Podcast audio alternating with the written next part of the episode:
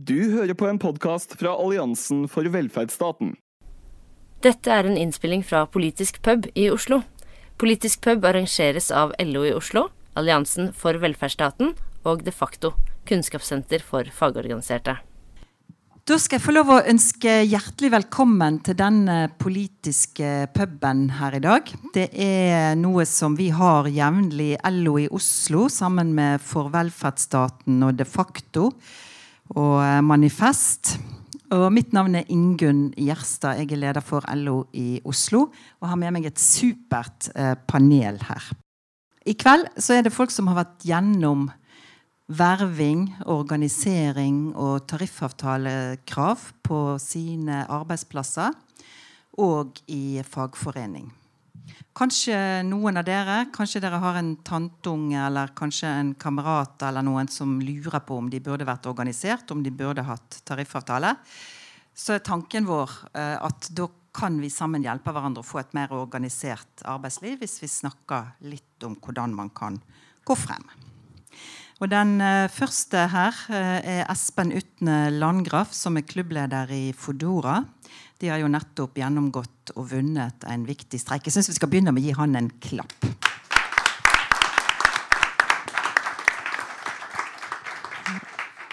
Og den andre ved siden av er Kim Thomas Klevengen, tillitsvalgt i, i Stockflats. Har også vært gjennom det å kreve tariffavtale og fått uh, orden på det i en uh, internasjonal kjede som kanskje i utgangspunktet ikke var så tent på det. Vi gir han også en applaus, tenker jeg.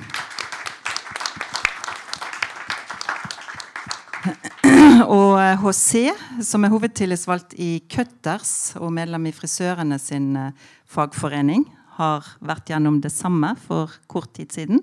Får også en applaus for at han er kommet. Og til slutt eh, Merete Solberg, som er leder i Fellesforbundet avdeling 10 hotell og restaurant her i Oslo. Har vært med å få flere tariffavtaler nå i den senere tid i restaurantbransjen.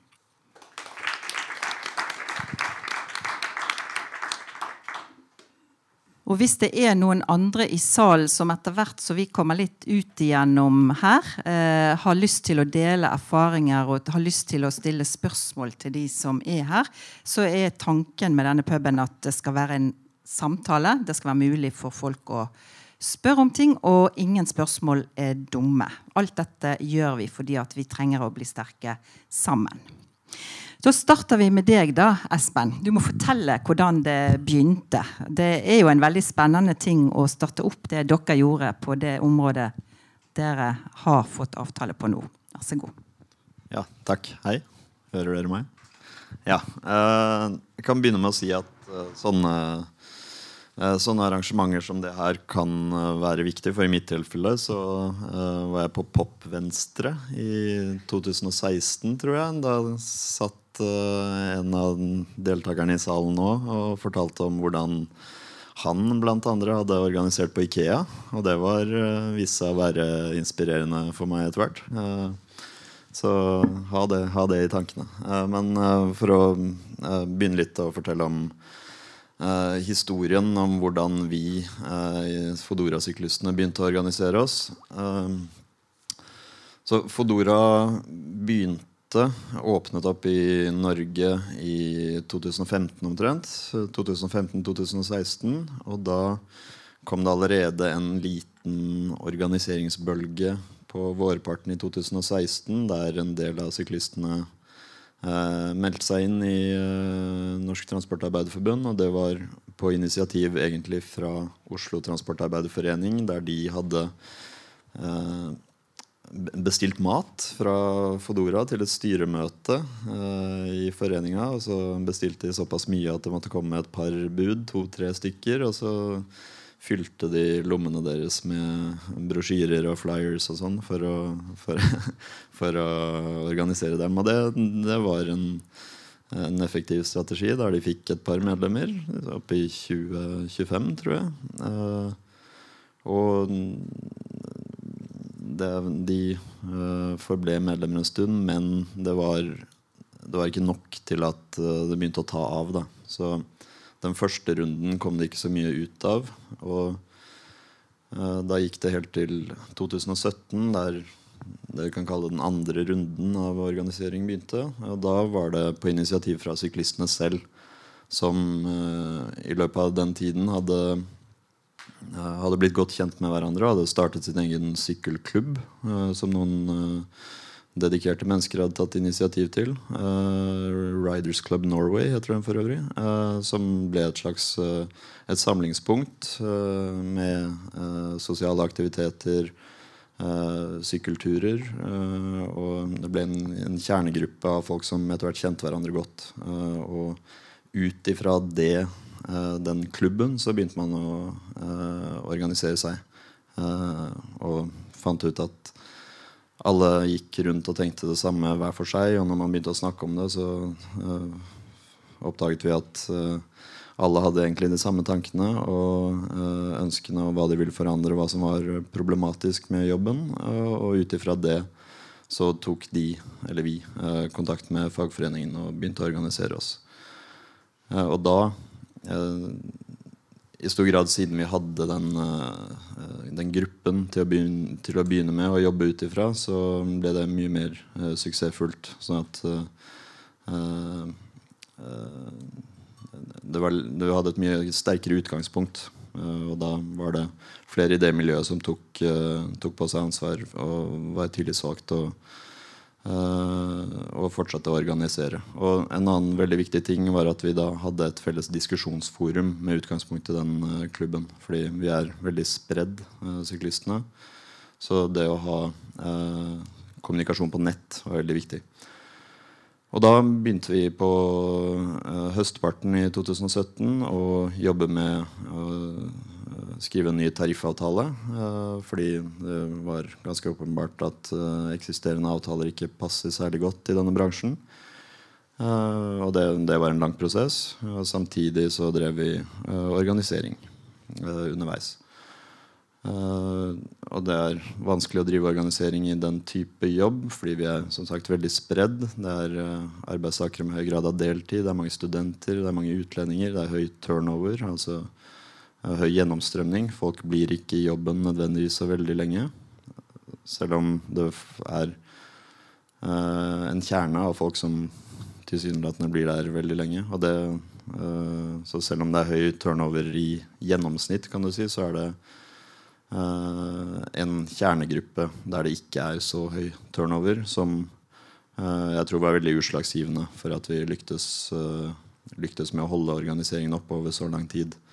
At det var noen ildsjeler som ble værende, og som, som ikke ble bytta ut, men som tok på seg roller som tillitsvalgte, blant annet. Og så kan vi spole fram til februar 2019. eh, Da vi leverte tariffavtalekravet til Fodora. Eh, Og så ba de om utsettelse fordi de ville sette seg inn i avtalen og eh, ha grunnlaget for en konstruktiv dialog osv. Og, så videre, og, så og de trengte mye tid til det. da. Så da gikk vi med på en utsettelse av forhandlingene fram til mai-juni 2019. Og da møttes vi til forhandlinger, og så viste det seg at de ikke hadde benyttet tiden særlig godt, for å si det forsiktig. At de ikke hadde eh, åpna dokumentet, antagelig. Sikkert ulest e-post eh, med tariffavtaleforslaget. Men eh, Så da endte vi ganske raskt i mekling eh, før sommeren, og så var det ikke voldsomt konstruktivt. Og så eh, pauset vi meklingen til august, og så brøt meklingen sammen, og så gikk vi i streik. Eh, og så streiket vi i fem uker, og så fikk vi eh, tariffavtale til slutt. Eh, det var kortversjon. Måtte spole litt på slutten der. Eh, men eh, for å ta noe av det som har lyktes godt for oss, så er det særlig det at vi hadde Uh, hadde en kjernegruppe med felles interesser, noe som er litt sånn uh, unikt antagelig i denne type bransje. Altså sykkel, sykkelmiljøet. Uh, sykkelbud har delvis en slags egen subkultur som uh, fins særlig i andre sykkelbudmiljøer, som også som ble realisert også til en viss grad blant Fodora-syklistene i Oslo. Og det var en veldig viktig faktor. Og så det at vi satte opp felles kommunikasjonskanaler, altså et internettforum. Vi brukte Slack, eh, som noen kanskje kjenner. Og hadde vi ikke hatt det, så hadde, hadde ikke ting gått som, som det gikk. Fordi det, det var der vi møttes. I og med at vi ikke møtes fysisk, så møtes vi der.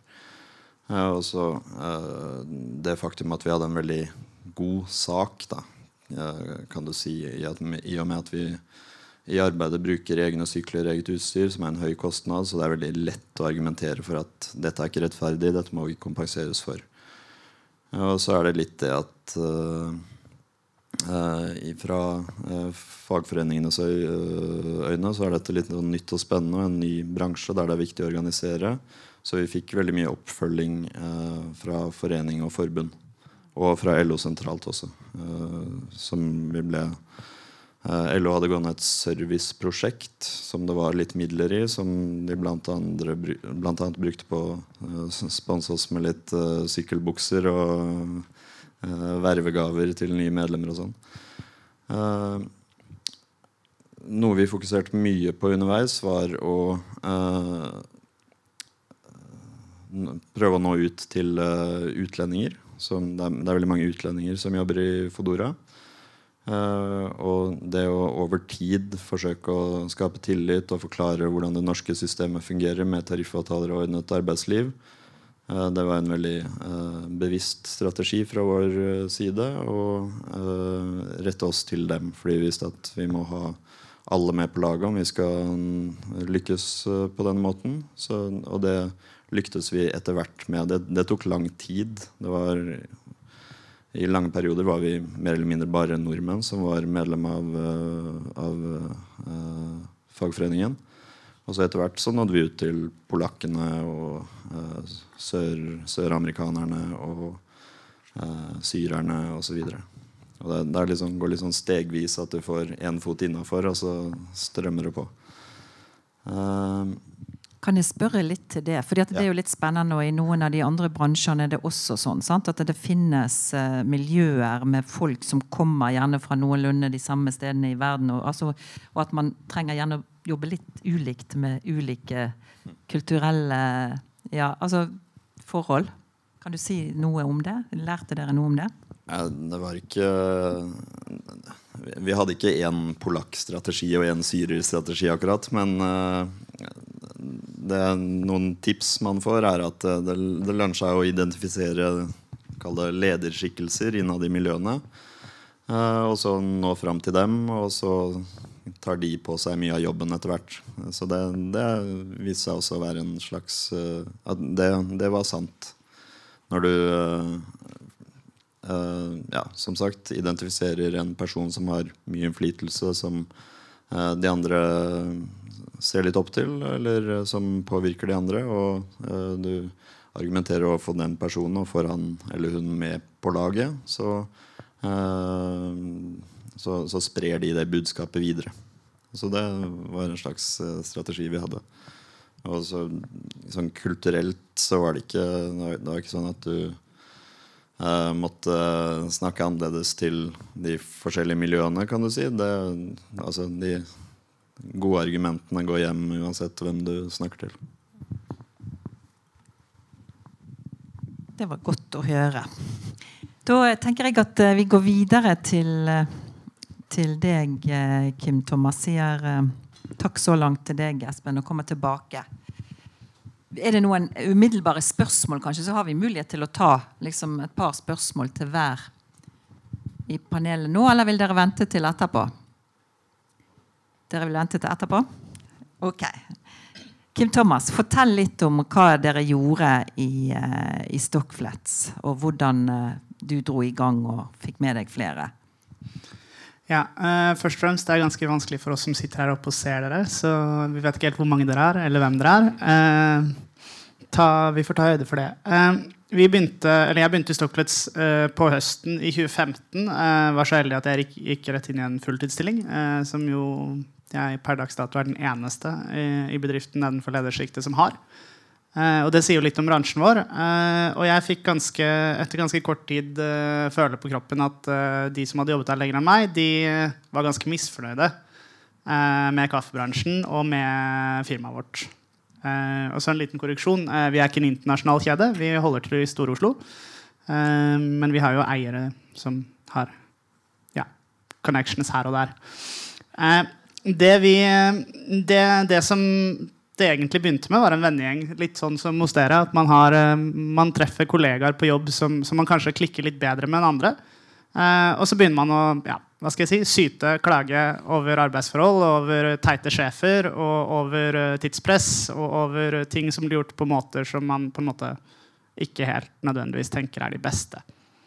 Eh, og så ble kanskje organis organisasjon for oss en måte å liksom ta igjen på. da. Kanskje si at eh, nå er vi drittlei, nå har vi lyst til å vise at det ikke bare er sjefen som bestemmer. Um,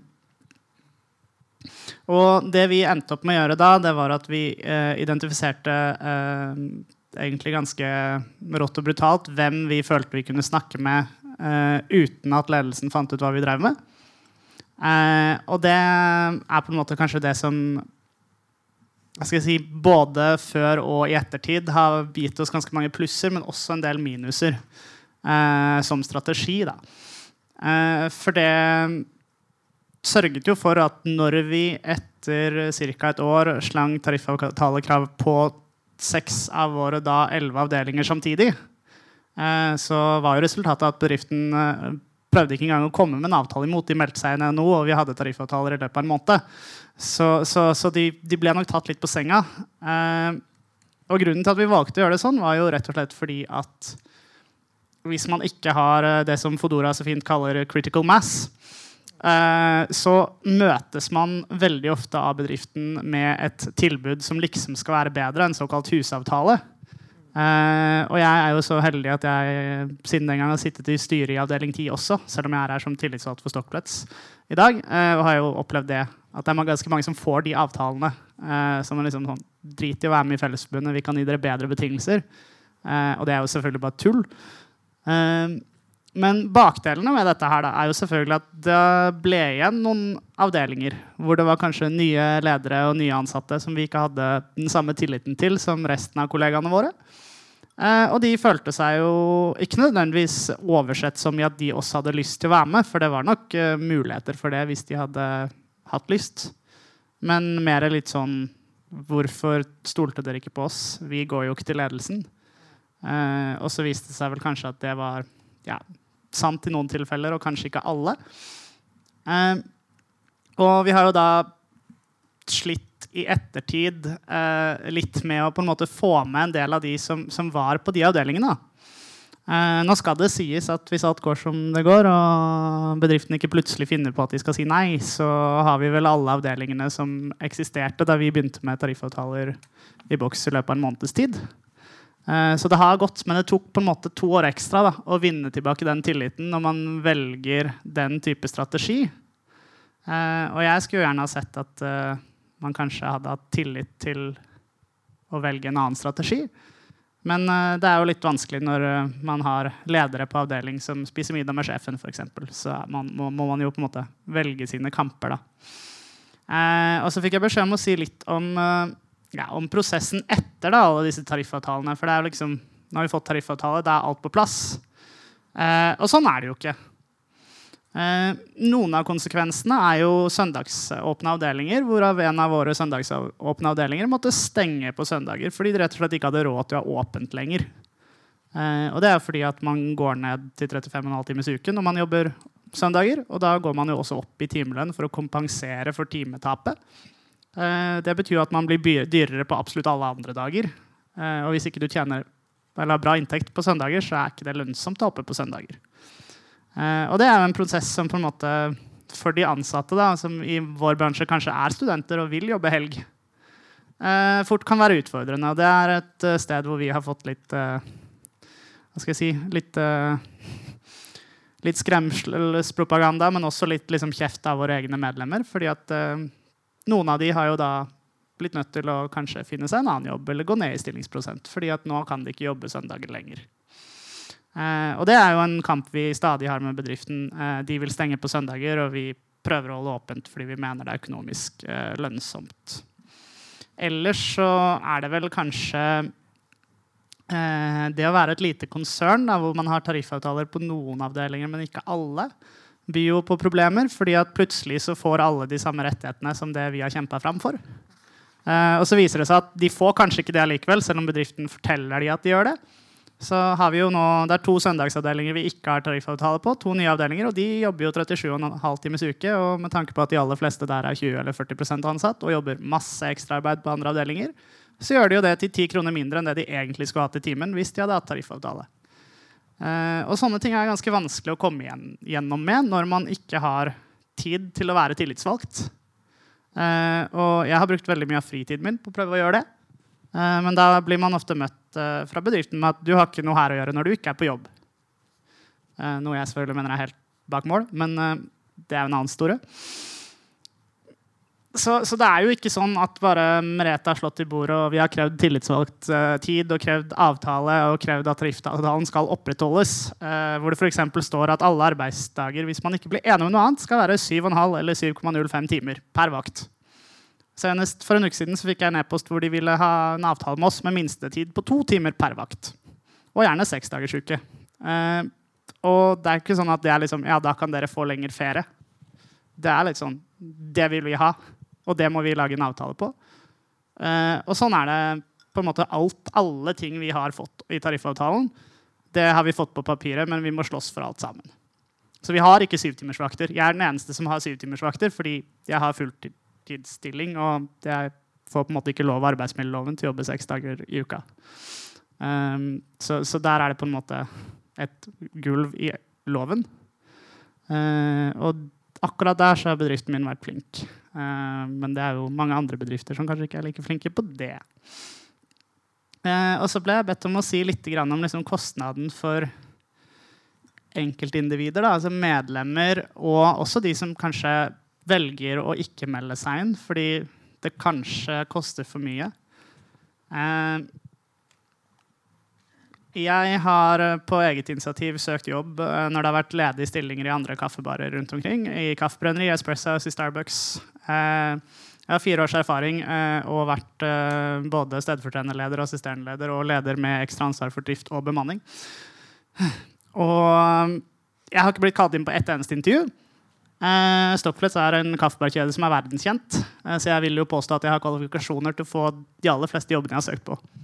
Eh, og det kan jo være fordi jeg stikker huet fram i media, og fordi at uh, det har vært kanskje litt mer eller vanskeligere med å gjøre, da, vil kanskje sjefene mine si. Uh, så det er jo en kostnad. En annen kostnad er jo vi har jo avdelingsledere som vi mener at tilhører hos oss, som ikke vil melde seg inn fordi at de også må ha et forhold til sin daglige leder. Og vi merker jo at det blir utfordrende. Vi merker at vennskap går dukken. Fordi at det at noen melder seg inn og krever tariffavtale, fører til at noen andre mister jobben sin på søndager. og jeg har selv vært på personalfest og hørt at en i ledelsen sier at jeg ødelegger bedriften han har jobbet i i ti år. jeg har blitt forsøkt nedmannet, nesten sagt opp, og ja det er eh, Det er ikke alltid lett da, å være det lille ene mennesket selv om du har 40 stykker i ryggen. Uh, spesielt når du har 40 stykker i ryggen som du hele tiden må rekruttere 20 nye hvert eneste år.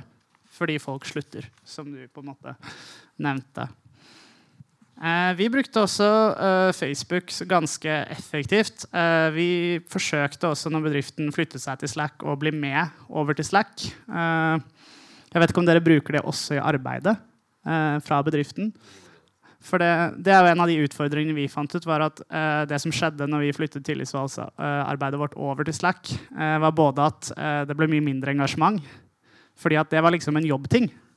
Og da måtte du på en måte, når du først var inne og sjekket uh, tillitsvalgsgruppa eller uh, fellesforbundet-gruppa, så ble du på en måte påtvunget å sjekke alt det som sjefen din hadde lagt ut også.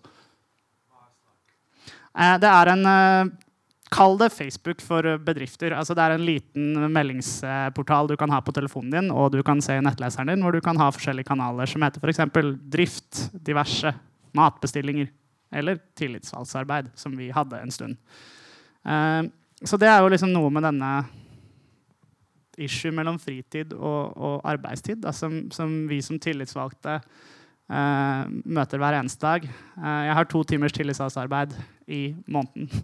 Eh, og jeg er ganske sikker på at jeg bruker i hvert fall to dager i måneden på det. Uh, så, så, det er jo det er utfordrende. Uh, bransjen vår, som dere kanskje har sett i diverse oppslag i ja, E24, Aftonbladet har hatt en liten story om Espresso House, XXL. Det er ikke som å jobbe i industrien hvor du har skift på, skift av.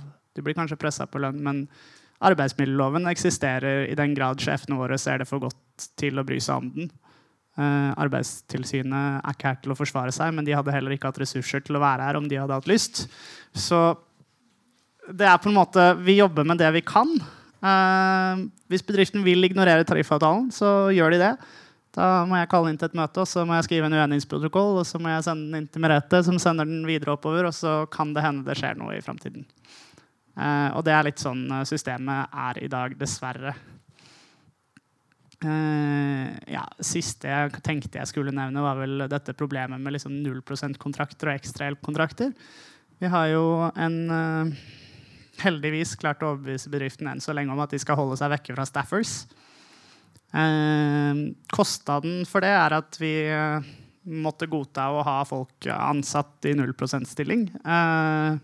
men da fikk vi jo gjennom at de måtte være gamle ansatte. Og det gjør jo at vi kan ha vårt eget lille vikarbyrå Eh, men det fører også til underbemanning. Eh, fordi de skal jo også få noen timer, selv om de egentlig har sluttet for å gjøre andre ting.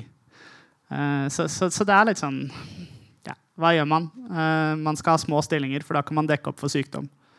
Tariffavtalen sier 7,5 timers vakter. Det er det bare jeg som har. Og alle i ledelsen, selvfølgelig. Så det er en avtale på papiret. Vi har fått gjennom noen ting. Vi får vasketillegg, f.eks. 100 kroner i måneden for å vaske et forkle. Eh, men vi har selvfølgelig klær med klorflekker. Så jeg vet ikke hva jeansbuksa di koster, liksom, men uh, når jeg får en klorflekk på buksa mi, så kan jeg ikke bare sende en regning. Fordi det er jo ikke bedriftens feil at jeg må bruke eget arbeidstøy. Selv om tariffavtalen sier at bedriften skal gi meg arbeidstøy to sett minimum. Så ja, jeg vet ikke om jeg har så mye mer å si der, egentlig. Men men akkurat det med arbeidstøy, da, så lenge det står i avtalen, har dere prøvd å tviste på akkurat det og ikke nådd frem? Altså, vi, har ikke, vi, har ikke, kalt inn bedriften til et tvistemøte på det, men vi har jo fått til og det sa jeg kanskje ikke i sted, vi har fått til månedlige møter med bedriften. Eh, og der har vi jo nevnt det. Eh, og i retur der så fikk vi at på den avdelingen jeg jobber på, så står det tilfeldigvis en vaskemaskin, så vi vasker forklærne som vi har fått av bedriften der. Eh, så da ville de ikke betale oss den hundrelappen i måneden lenger. Og jeg vet ikke. Det er jo litt sånn Det står uniform. Vårt reglement er at uniformen er, skal på en måte ikke vise brystet eller liksom armene under der man har hår, basically. Dekk knærne, ikke vær usømmelig, eh, men bruk egne klær. Og, og, da blir det jo litt sånn Jeg kan slå i bordet og si at vi skal ha svart bukse og svart skjorte. eh, men det kommer ikke til å skje. Eh, og jeg vet ikke om det er den saken jeg har lyst til å på en måte tviste oppover på. Da, da vil jeg heller ha sjutimersdager. Liksom. Ja. Takk til deg uh, så langt. da går vi videre til tredje, tredje gutt ut her, eller mann. José Luis Rodriguez Anguita. Jeg er ikke sikker på om jeg uttaler deg helt riktig nå, men jeg sa bare fornavnet ditt i sted. Det var jo litt spennende når Cutters kom inn som en eh, litt sånn nytt konsept for noen år siden. sant? Fordi at da skulle det bli billig for alle å klippe seg. og vi var vi eh, gamle travere var jo litt bekymra for at det betydde at det ble dårlige vilkår. og sånt, sant? Det, det må vi jo innrømme. Men, eh, men, dere har allikevel fått til en del avtaler. Fortell oss hva som skjedde. Ja, eh, Cutters det ikke var lett egentlig fra begynnelsen. Eh, Cutters vokset eh, veldig raskt, men med dårlig ledelse i begynnelsen. Eh, så vi hadde stort behov for en som kunne stå foran og, og ta viktige saker mot ledelse. Eh, jeg jobba i store bedrifter før, eh, ISS. Jeg var avdelingsleder, og jeg jobba veldig tett med tillitsvalgte på den bedriften. Så jeg visste hvor viktig var jobben. Eh, og vi merker at det mangler eh, noe eh, Det mangler noe organisasjon i Qatar som, som kunne stå på beina av frisørene. Eh, det var ikke lett å få folka til å organisere seg. For vi har jo samme som Foodora masse folk som er fra utlandet, så det er vanskelig å forklare hvordan norske system fungerer. Eh, men vi klarte det etter hvert å, å få en tillitsvalgt struktur. Men eh, det var ikke lett å komme seg til tariffavtale, fordi eh, Katers begynte som medlem av NHO, men de valgte selv å medle seg ut av NHO, og de medle seg inn i Virke. Og Virke hadde ikke noe eh, tariffavtale med frisørene Fagforbundet fra før. Eh, så vi tok nesten seks måneder med å få tariffavtale på plass. Eh, det ble flere endringer i ledelse av Caters i den tidspunkt. Men de begynte å få skolering fra Virke på sin side. Og i den tida vi fikk skolering også fra Fagforbundet. Eh, noe som var svært eh, nyttig når vi måtte treffe sammen med, med Caters til å forhandle. I den tidsrom eh, På den seks måneder vi brukte til å få, eh, til å få på plass tariffavtale. Eh, kunne delta på fase 1 og fase 2-skolering fra Fagforbundet. Eh, og målet var å, å, sette meg inn i lovverk eh, mest mulig måte for å klare å håndtere eh, utfordringen som kom. Eh, med Caters, etter de hadde meldt seg i Virke, eh, tingene har gått mye, mye bedre. For de fikk eh, veldig god skolering på hva det betyr å ha tariffavtale. Eh, vi fikk endelig i begynnelsen av dette året eh, tariffavtale på plass i omtrent 18 salonger samtidig. Eh, det er en små prosent i forhold til det 89 salongkatters har i den tidspunkt. Så det er mye vi må gjøre med saken. Men eh, å få tariffavtale betyr for oss at vi kunne forhandle eh, gjennom lokale forhandlinger, som, som, vi har begynt allerede nå, eh, til å få bedre arbeidsvilkår til alle ansatte. Eh, ja, det, det, er jo stort sett historie eh, backcutters. Eh, det vokste så fort at det var så mye uoversiktlig fra begynnelsen. Ingen visste hvilken vei de skulle gå. Og selvfølgelig, vi fikk, Katters fikk masse kritikk i begynnelsen eh, på media og på andre kollegaer, for de visste ikke hvilken modell de ville bruke. Men, eh, men tingene etter de meldte seg på Virke og vi får tariffavtale, det har gått eh, mye bedre, iallfall til ansatte, og god forståelse fra ledelse på Katters side. Så det har vært eh, en stor pluss etter tariffavtale. Mm. Veldig spennende å høre på erfaringene deres. Eh, da tenker jeg at Merete får ordet nå til å si litt fra ditt ståsted. Du er fagforeningsleder i, i en av de bransjene som er liksom litt uh, ut forbi. Og disse, alle disse her er jo liksom litt litt mindre enn 50 eh, organisert og litt mindre enn 70 har tariffavtale, for å si det sånn, av de som jobber i disse næringene. Sant? Og når jeg snakker om de tallene i, i innkallingen og invitasjonen til møte, så er det jo det vi har totalt sett i Norge. Mens, eh, mens disse her kommer jo fra de bransjene som kanskje er nede i, i langt under det. Men allikevel så er det jo fagforeninger der, og fagforeningen har en rolle i forhold til de som vil bygge klubber. Hva kan dere tilby? Først må vi jo lage kunnskap. Um, vi opplever at mange i vår bransje de vet ikke hva en arbeidsmiljølov er. Så vi må starte helt på scratch med all kunnskap. Eh, og så blir jo neste skritt å fortelle dem at det fins eh, tariffavtaler så man kan få bedre lønns- og arbeidsvilkår. Eh, så min avdeling vi har begynt å ha noe som heter pizzamøter, som er åpent for alle for å gi dem kunnskap. Gi dem muligheten til å lære noe mer og vite at fagforening fins. For vi er eh, De har ikke nok kunnskap til å vite at vi er her engang. De, de har hørt om LO, et eller annet, men de vet ikke hva LO er. Så vi må starte helt der før vi går opp og begynner å snakke om en tariffavtale. Eh, men når vi har kommet dit og gitt dem den kunnskapen om at det er noen som er her for å beskytte dem, så er det jo opp til medlemmene om de ønsker en tariffavtale. først og fremst. Det er ikke noe vi kommer og trer over hodet på dem. Eh, og når de ønsker det, så stiller jo vi selvfølgelig opp med å bistå med vår kunnskap. Eh, organisere møter. Eh, men det er viktig at det er de som tar initiativet. Det er de som skal eie denne avtalen de skal kreve. Så vi gir de kunnskapen, gir de forståelsen av hva det er, og veileder de rett og slett i hvordan de skal nå målet med å kreve avtalen. Vi deltar på møtene med de, eh, men igjen, det er dems ansvar, og det er de som må ha lyst på det. Eh, og det vi også gjør, er jo å velge ut en kontaktperson som da er opp mot avdelingen, eh, sånn at vi vet hvem vi kan forholde oss til. Vi anbefaler de også å lage en Facebook-gruppe, sånn at man har en god kommunikasjon.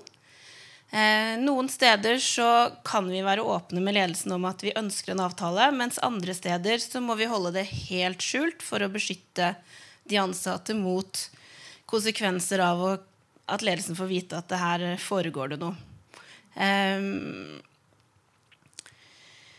vi har jo i den siste tiden også fått en del avtaler på plass rundt her på Youngstorget. Eh, det har ikke bare vært lettvint. Eh, noen av de avtalene har kommet eh, av at noen har vært på det pizzamøtet, fått kunnskap, vil at sine kollegaer skal få dette de har hørt om som er så bra.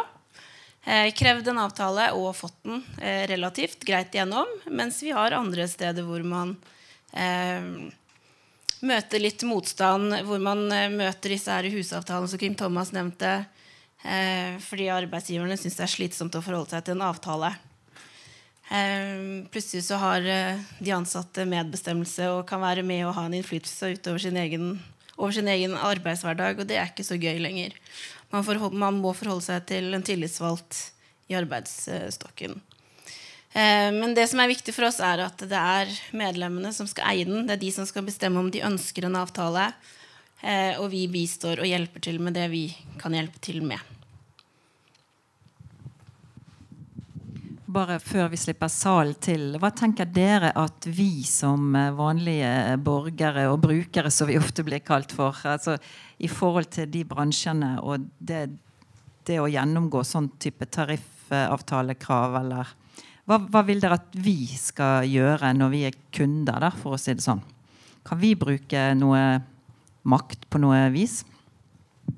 Ja, i i vårt tilfelle med streiken så var jo forbrukermakten uh, veldig sentral. Altså det uh, Vi var veldig synlige i mediene. Vi fikk mye oppmerksomhet. Vi var veldig synlige ute i gatene. Og vi fikk veldig mye støtte fra vanlige folk, forbrukerne, som i stor grad sluttet å bruke tjenesten så lenge vi streiket. Noe som hadde har Fodora innrømmet senere veldig stor effekt på, uh, på omsetningen og antall bestillinger osv. Så, videre. så det var ikke sånn at det tok fem uker for dem å lese gjennom tariffavtalen. Det var makta bak, bak, krav, bak kravene som, som, gjorde at de måtte endre Eh, at, at, de måtte komme tilbake til forhandlingsbordet. Og det var i stor grad forbrukermakta bak uh, kravene, kan du si. Det var uh,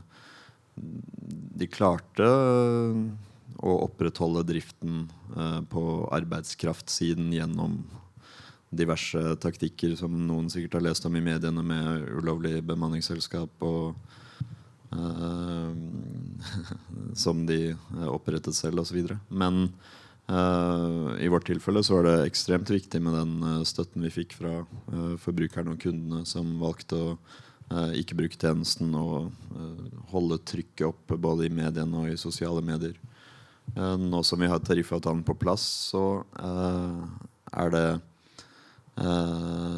Har forbrukerne makt når det gjelder å velge eh, å bruke Fodora kontra andre selskaper som, eh, eh, som dukker opp, som ikke har fast ansatte i det hele tatt. Om I løpet av oktober, eller i hvert fall november, så kommer et selskap som heter Volt til å åpne Som opererer på nøyaktig samme måte som Fodora, men kun med såkalt selvstendig næringsdrivende, som i praksis er ansatte, men som man kaller selvstendig næringsdrivende for å redusere kostnader og unnslippe arbeidsgiveransvar.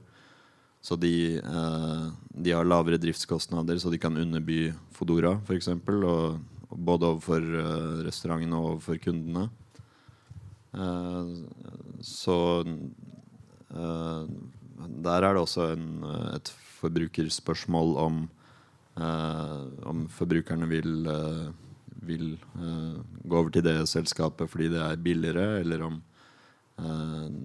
den positive effekten av eh, det at Fodora har inngått en eh, tariffavtale, eh, er utslagsgivende, eller om vi klarer å levere et bedre tilbud osv. Det er åpent spørsmål. Jeg vil jo oppfordre alle til å bruke Fodora. Det er en oppfordring som vi slutter oss til eh, i LO i Oslo også. Det, hvis vi skal ha den type tjeneste, så vet vi hvor vi skal gå.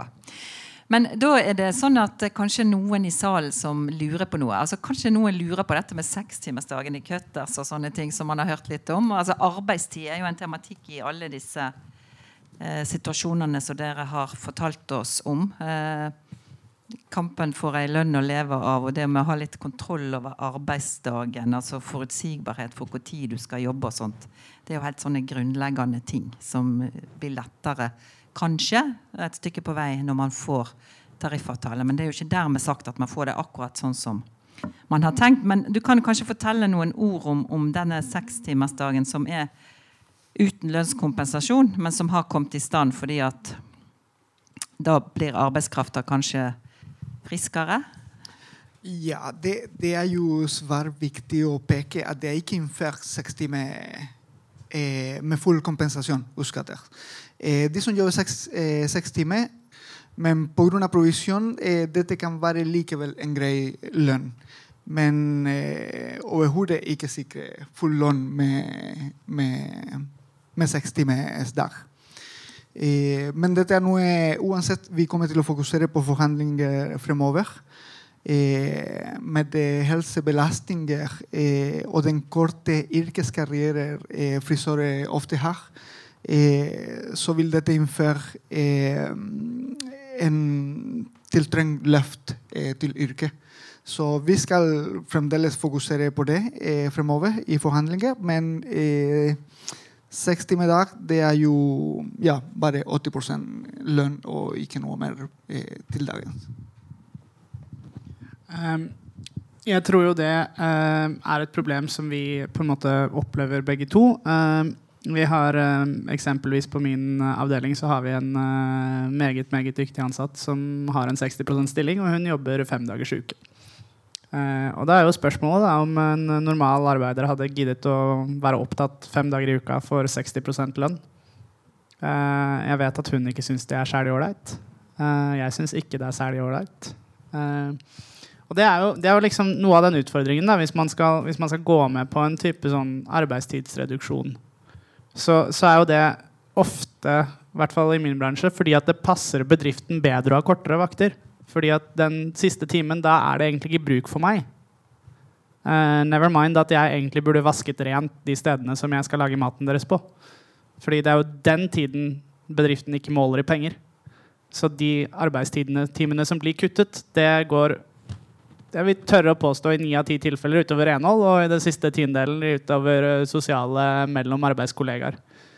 Eh, så, så, dere kan jo på en måte se det at når det står én person på jobb, og det er mange i kø, så kan du jo tenke hvor ofte jeg rekker å vaske den benken som jeg deler uh, skolebolla deres på.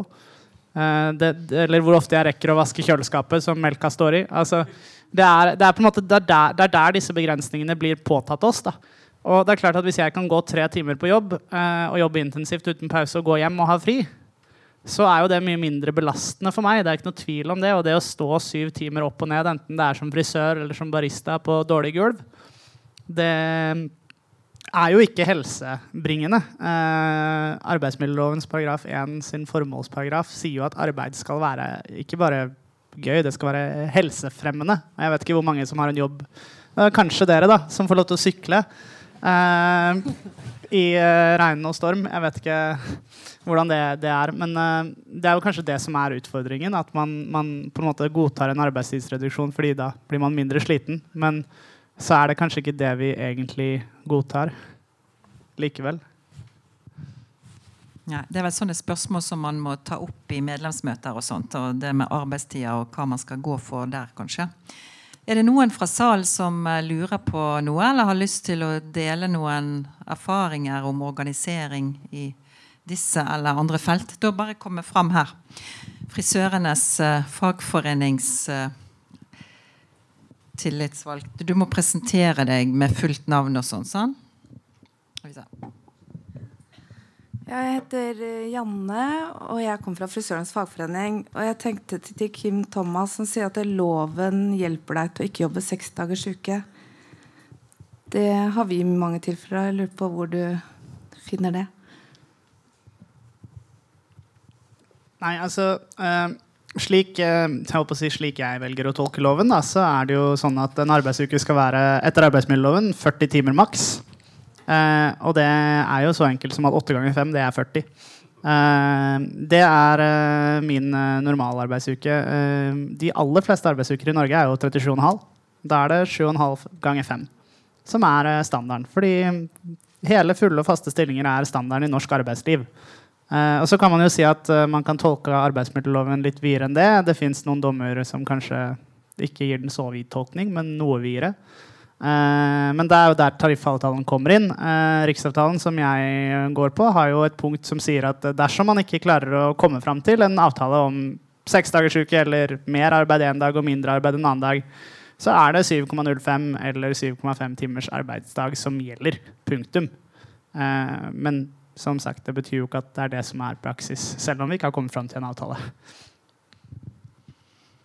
Ja, her er det ett spørsmål til fra salen. Du presenterer deg sjøl. Ja. Hei, Kristin Gjesnes fra Fafo, forsker.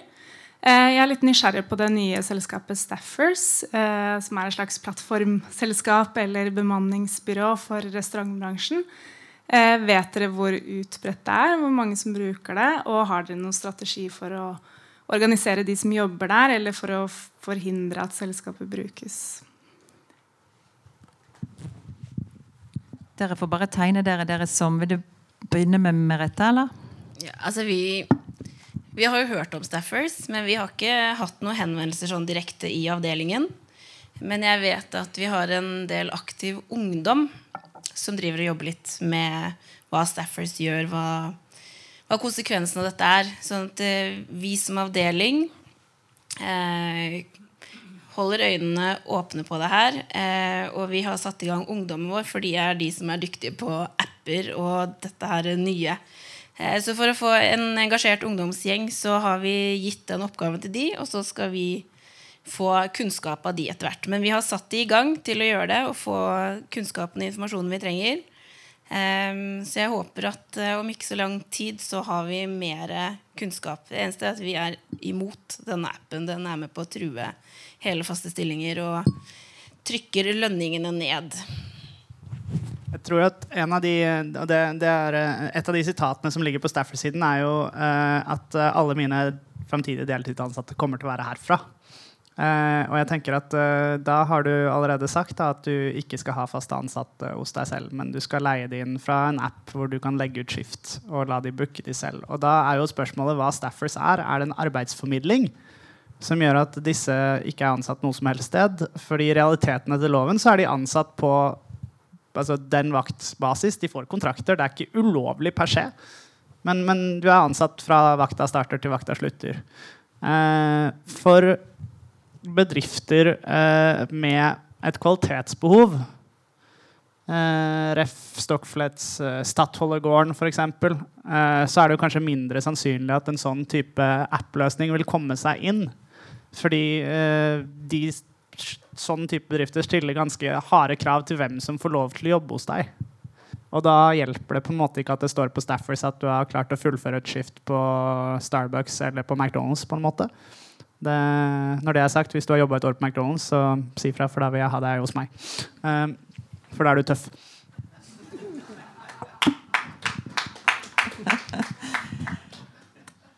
Fauzi.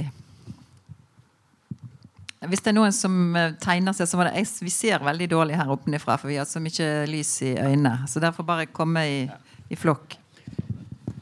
Fauzi Adam heter jeg, er eh, regionsleder for handel og kontorregion Øst. Eh, jeg syns det er veldig inspirerende å høre på dere. For dere lykkes med noe som jeg har lurt på veldig lenge. Det er oftest de unge eller de med utenlandsk bakgrunn som rammes. Altså de nyeste norske. Eh, som rammes. Men at de finner et fellesskap gjennom fagforening, er fantastisk. Jeg lurer på hvordan det lykkes. Eh, og hvordan man kan bygge videre på det, samt om det fins noen mulighet egentlig. For ofte så Når dritten oppstår, eh, det er da vi organiserer. Men hva kan vi gjøre egentlig i forkant av det? Altså Både i, i, fagforeningen, men også i samfunnet. For vi har jo en situasjon nå der neste generasjonen har en dårligere arbeidsliv enn de før. Altså, hvis noen hadde spurt for ti år siden om hele og faste stillinger, så hadde det vært litt annerledes for den ungdommen som kom. Jeg er ikke tida må gå tilbake lengre tid. Men i industrien der jeg er fra, så er det uhørt å ha en deltidsansettelse. Eh, Berett gjerne litt om det, om du kan. Takk. Ja, vil du begynne, Espen? Ja. Uh, uh, en av hovedutfordringene er mangel på kunnskap generelt i befolkningen om hva uh, fagorgan fagorganisering betyr, og hvor, hvor stor betydning det har hatt i norsk historie. Hvor, I hvor stor grad samfunnet vi lever i i dag, er formet av, av kamper som er blitt tatt eh, i relativt ny historie. Eh, og det at at det faktisk er mulig å, å, få til forandringer hvis man organiserer seg og jobber for det. Det er de to tingene som kanskje er de store utfordringene når det gjelder mangel på kunnskap. For det første at man ikke kjenner til historien, og for det andre at man, man, tror, man ser ting man gjerne skulle forandret på, men man tror ikke det er mulig. Uh, og det tror jeg er en ganske bevisst strategi fra Uh, Kall det høyresiden i politikken. Uh, både det å usynliggjøre historien og det å få folk til å føle at det ikke nytter. Så, uh, så det, det, det, tror jeg er Det håper jeg at f.eks. så mye oppmerksomhet vi fikk i vår kamp, at det kan ha vekket litt interesse. At jeg, jeg har inntrykk av at det er mange nå som vet hva ordet tariffavtale betyr, som ikke har uh, visst så mye om det tidligere. Uh, vi klarte å få unge folk litt interessert i streik og organisering og tariffavtale, har jeg inntrykk av. Uh, men det, det, er en liten dråpe i det som etter hvert burde bli et veldig stort hav. Og det er ingen tvil om at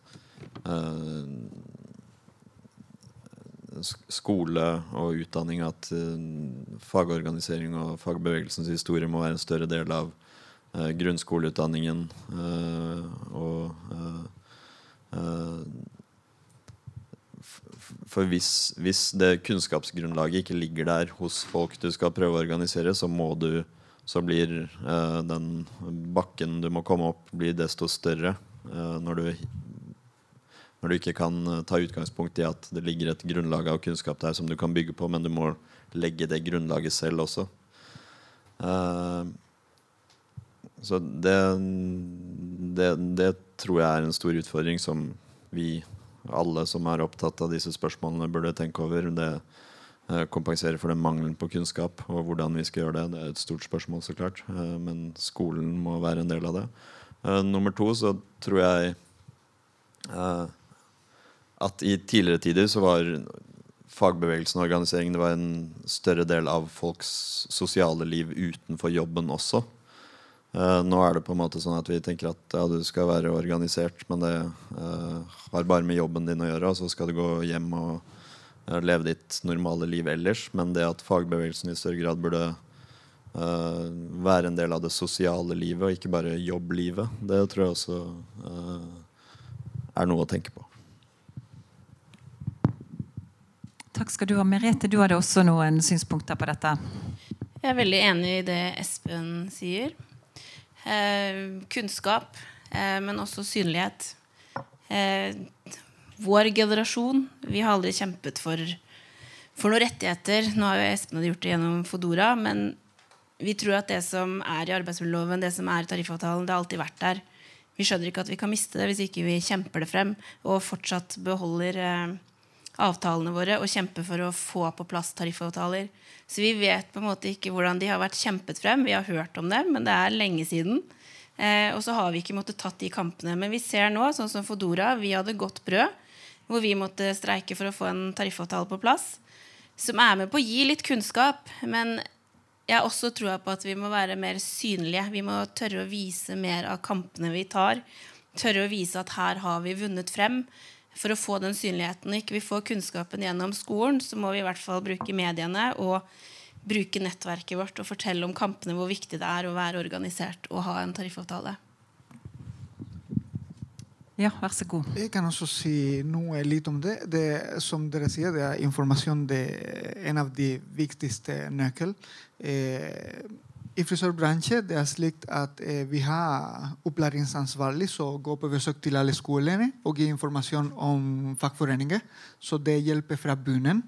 Men, eh, men uansett eh, Vi får mange frisører som syns at de har det greit uansett. Så de meldte seg ikke i foreninger, for de syntes at de hadde greit på jobb. Eh, og det er der hvor ligger største utfordring til å vise fram eh, at de kunne ha faktisk bedre på jobb. Eh, og det er det vi kjemper for eh, til å få kunnskap til folka. Eh, hva kan de få det til med tariffavtale i forhold til uten tariffavtale? Jeg tror også at en av de tingene som vi kanskje glemmer litt, da, er at som, som, du sier, folk har det bra på jobb. Uh, og det er jo selvfølgelig alltid en sannhet med modifikasjoner i en bransje hvor de aller fleste mennesker sier at 'jeg trives på jobben min, jeg har gode kollegaer'. Uh, og så lar vi den henge litt. men spørsmålet er jo når det er brudd på arbeidsmiljøloven. Da.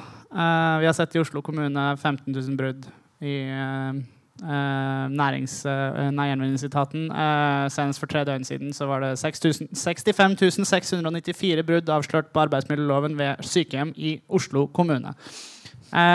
vi gikk sommerpatrulje i sommer. Én av to bedrifter som vi besøkte, betalte ikke lovpålagt minstelønn til sine ansatte. Arbeidstilsynet var i 5000 eh, besøk på restauranter i utelivsbransjen og fant eh, brudd på lovverket i 80% av de. Eh, og da er jo for meg så er liksom spørsmålet for det første hvem gjør noe med disse problemene?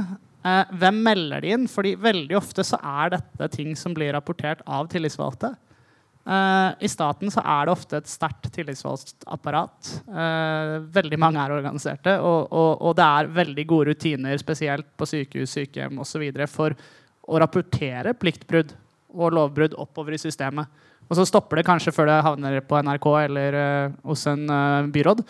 Men, men, det blir på en måte skrevet ned et sted.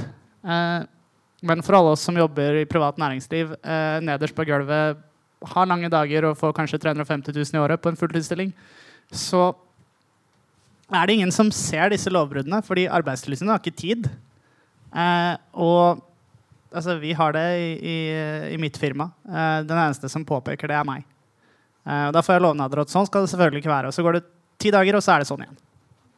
Eh, og, så, så, jeg tror at hvis ikke man, man, på en måte legger ressurser da, i å bygge eh, den ideen om at eh, trepartssamarbeidet og en ekstremt dyktig, kompetent tillitsvalgt eh, er på en måte løsningen for framtidas arbeidsliv. Da, hvordan vi skal på en måte ikke bare holde sjefene våre i øra når det trengs, men også være med og si det at hør her, den måten vi driver på, må vi gjøre noe med, fordi at vi tjener ikke penger.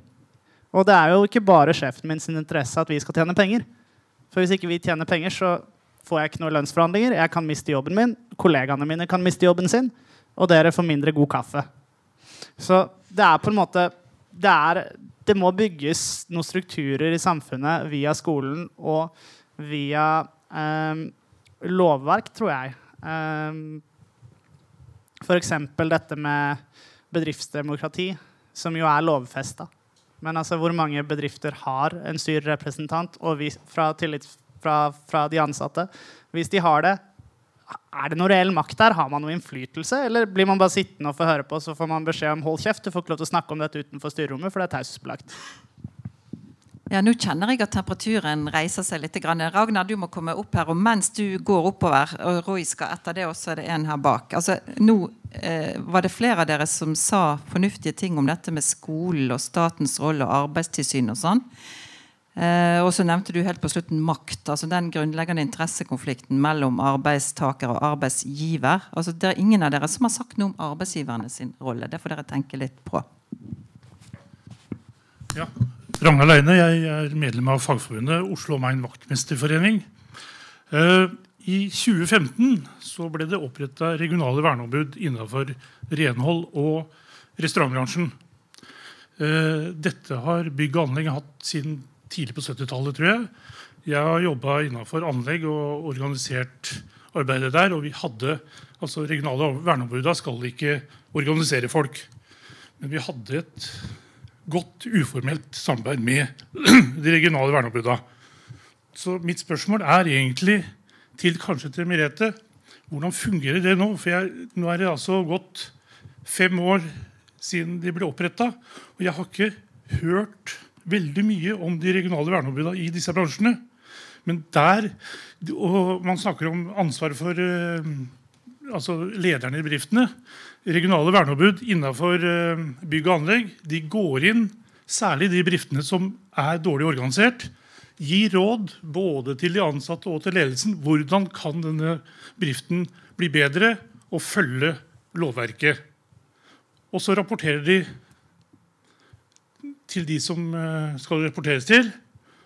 Og, og de kan legge, gi pålegg til bedriftene om å rette opp i ting som ikke er lov. Så Det lurer jeg på om uh, Fellesforbundet har noen erfaringer på det. Takk. Jeg vil foreslå herfra at vi tar en tre-fire Roy må komme opp, uh, vi tar en tre-fire løpende spørsmål. Dere noterer. Hvis dere trenger papir, og sånn, så får dere det. Sånn at vi, dere svarer litt tilbake. Vær så god, Roy. Ja, det er eh, Roy Pedersen. Jeg er uh, LO Oslo pensjonist. Eh, først si at eh, gratulerer med tariffavtale til alle dere tre. Eh, det er veldig interessant å høre det dere sier. siden jeg har vært i LO Oslo, som sagt, så er det lenge siden jeg jobba, som jeg pleide å si. Men når jeg var i byggebransjen på 80-tallet, så var ingen av de problemene dere reiser, noe problem i det hele tatt. Alle var fast ansatt. Alle hadde uh, normal arbeidsdag. Og alle fikk selvfølgelig betalt overtid fra første time. Så det vi opplever, er jo et helt annet arbeidsliv. Um, og da kommer vi jo egentlig fram til det store store spørsmålet hvordan var det man organiserte seg før? Fordi at det dere beskriver, er jo egentlig ikke noe nytt. Det var sånn for 80-100 år siden i Norge òg for alle. Og jeg tror, uansett åssen vi sier at vi syns Arbeidstilsynet skulle fungere, eh, og uansett det som eh, Ragna var inne på med regionale verneombud, som jeg syns er en helt ålreit idé, som absolutt må støttes, men vi kommer jo ikke utenom at det er en konflikt her mellom den som jobber, og den som eier. Og vi kommer til utenom den historiske erfaringa at der hvor de lykkes, og grunnen til at vi lykkes for å få til ordna lønns- og arbeidsvilkår, som de sier, så er det jo fordi at det ble utvikla en styrke i bånn. En styrke på arbeidsplassene, og at folk sto sammen for å få det til på tvers av fag og yrker. Så jeg har en stor utfordring til egentlig alle fire. Og det er hvordan ser dere for dere innafor den bransjen dere har, at det kan kunne gå an igjen å reise en sånn styrke i bånn som gjør det mulig at vi skaper et styrkeforhold på arbeidsplassen eller i firmaet eller i bransjen der hvor dere er, som gjør at det dere faktisk har fått til, nemlig tariffavtalen, også blir respektert. Det er ikke småtterier. Da er det deg der bak, og så har jeg Lill på listen. Og så skal dere få svare ut litt av dette før vi går videre. Du må Ja, det, det ser jeg, men uh, vi kommer til å slippe til de fire første først, og så tar vi de andre etterpå. Vær så god. Ja. Uh, hei. Oskar Linde. Uh, Volvo Trucksenter. Bussmekaniker. um, når det kommer bare det handelskontor Jeg husker ikke navnet ditt, dessverre. Men du spurte om det å engasjere ungdommen og sånn. Det er veldig viktig å gi plass til ungdommen i fagforeninga. Der har Fellesforbundet, og spesielt avdeling 10, vært ekstremt flinke. Vi ser har vi sett uh, det å gi dem plass og faktisk gi dem et rom inn i styrene og ellers. Og da tar de faktisk på seg et, uh, har et engasjement som gjør at de bidrar ekstremt mye. Uh, og så kommer jo jeg fra bransje, bilbransjen. og der har vi et opplæringskontor. Men der er ikke fagforeninga synlig i det hele tatt. og de jeg snakker med, ungdom eller yngre, da, de under 30, som ungdommen er i fagforeninga, i hvert fall Fellesforbundet, eh, så er ikke fagforeninga synlig i det hele tatt. Så når og møter, så går egentlig mesteparten tida på å informere og, skolere om uh, hva en fagforening er. Uh, helt fra grunnen av. Det tar jo ganske lang tid. og så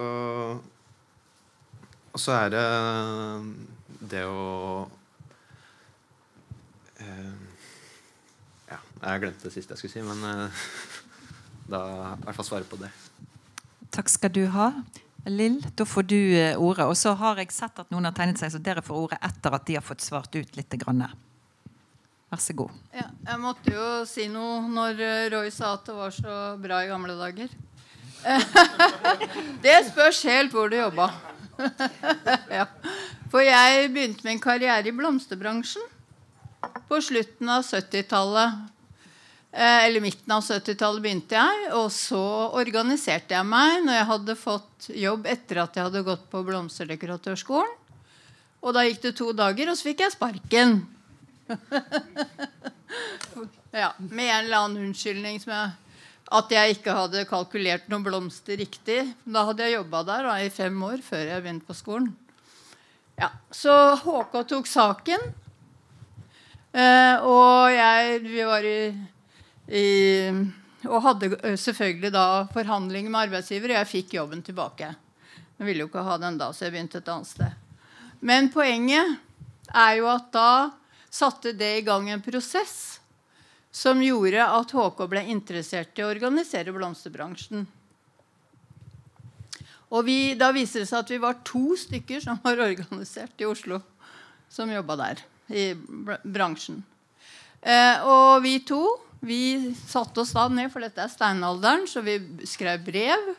Sendte til alle blomsterbutikkene i Oslo med 'til de ansatte'. Og innkalte til et møte. Og så kom det ganske mange ansatte og 15 arbeidsgivere som hadde åpna brevet. Ja. Og da, apropos å nevne arbeidsgivere Tre stykker satte seg med ryggen mot meg jeg var skikkelig heksa, og det har jeg vært i mange sammenhenger, så det var jo greit. Eh, poenget var i hvert fall at ut ifra det møtet så kom det 25 medlemmer, tror jeg. Og det var jo supert. Og så fortsatte vi faktisk å organisere. Men det som var viktig, det er at vi hadde kjempestøtte fra HK. Vi fikk laga løpesedler. Vi lagde dem sjøl, men vi fikk ikke i hvert fall penger til å trykke dem opp. og sånn. Vi hadde kurs. Vi hadde forskjellige også sånne litt sosiale ting.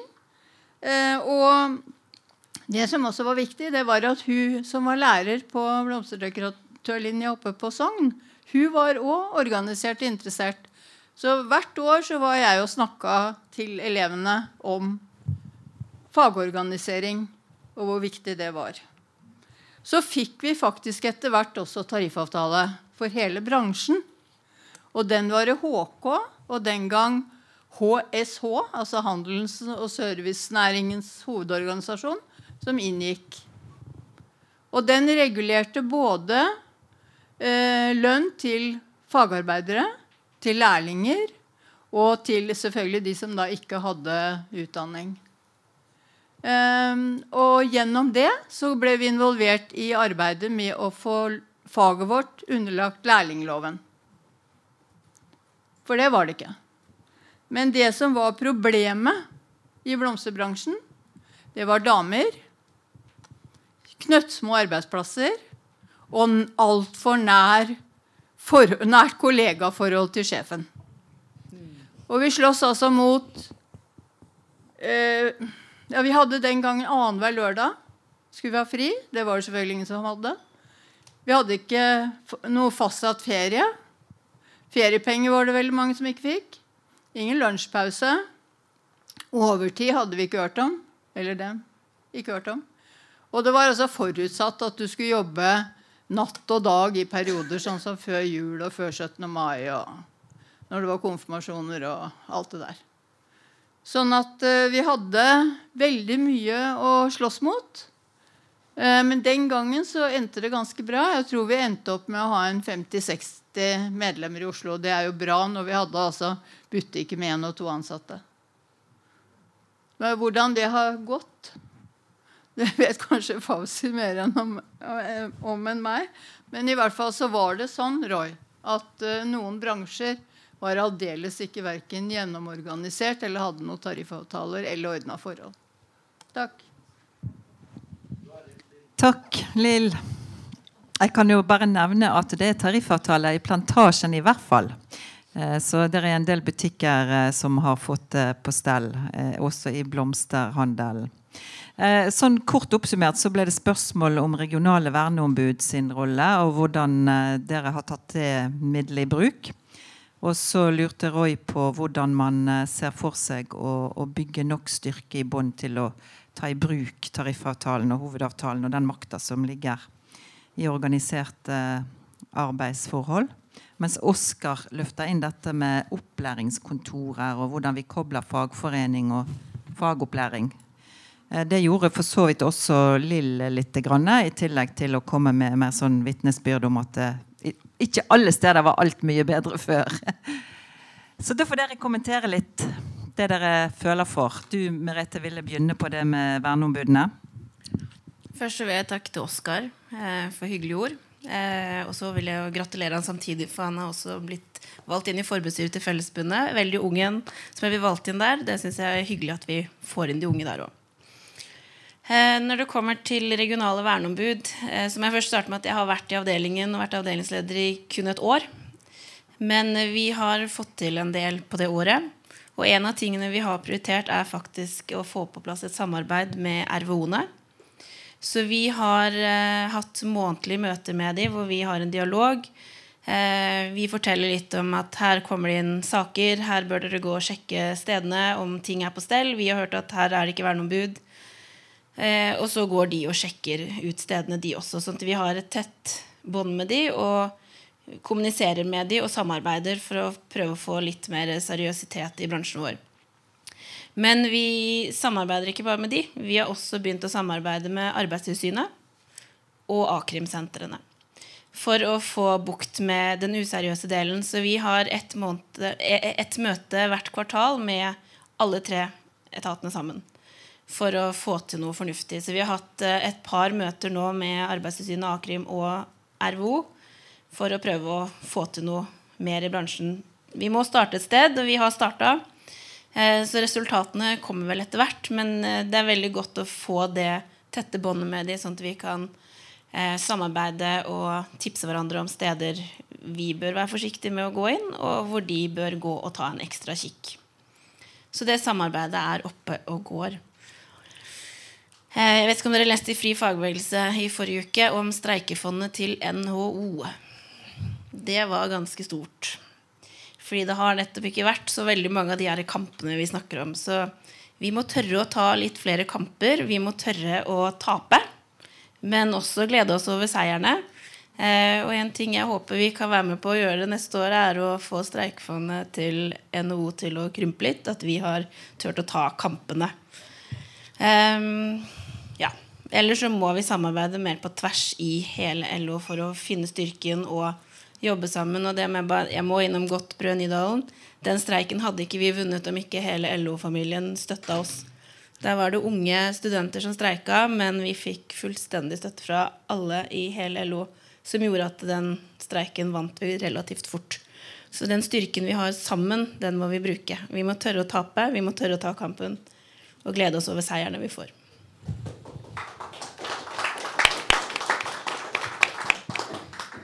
Dere bare tar ordet i rekkefølge der hvis dere føler for å gjøre det i denne runden.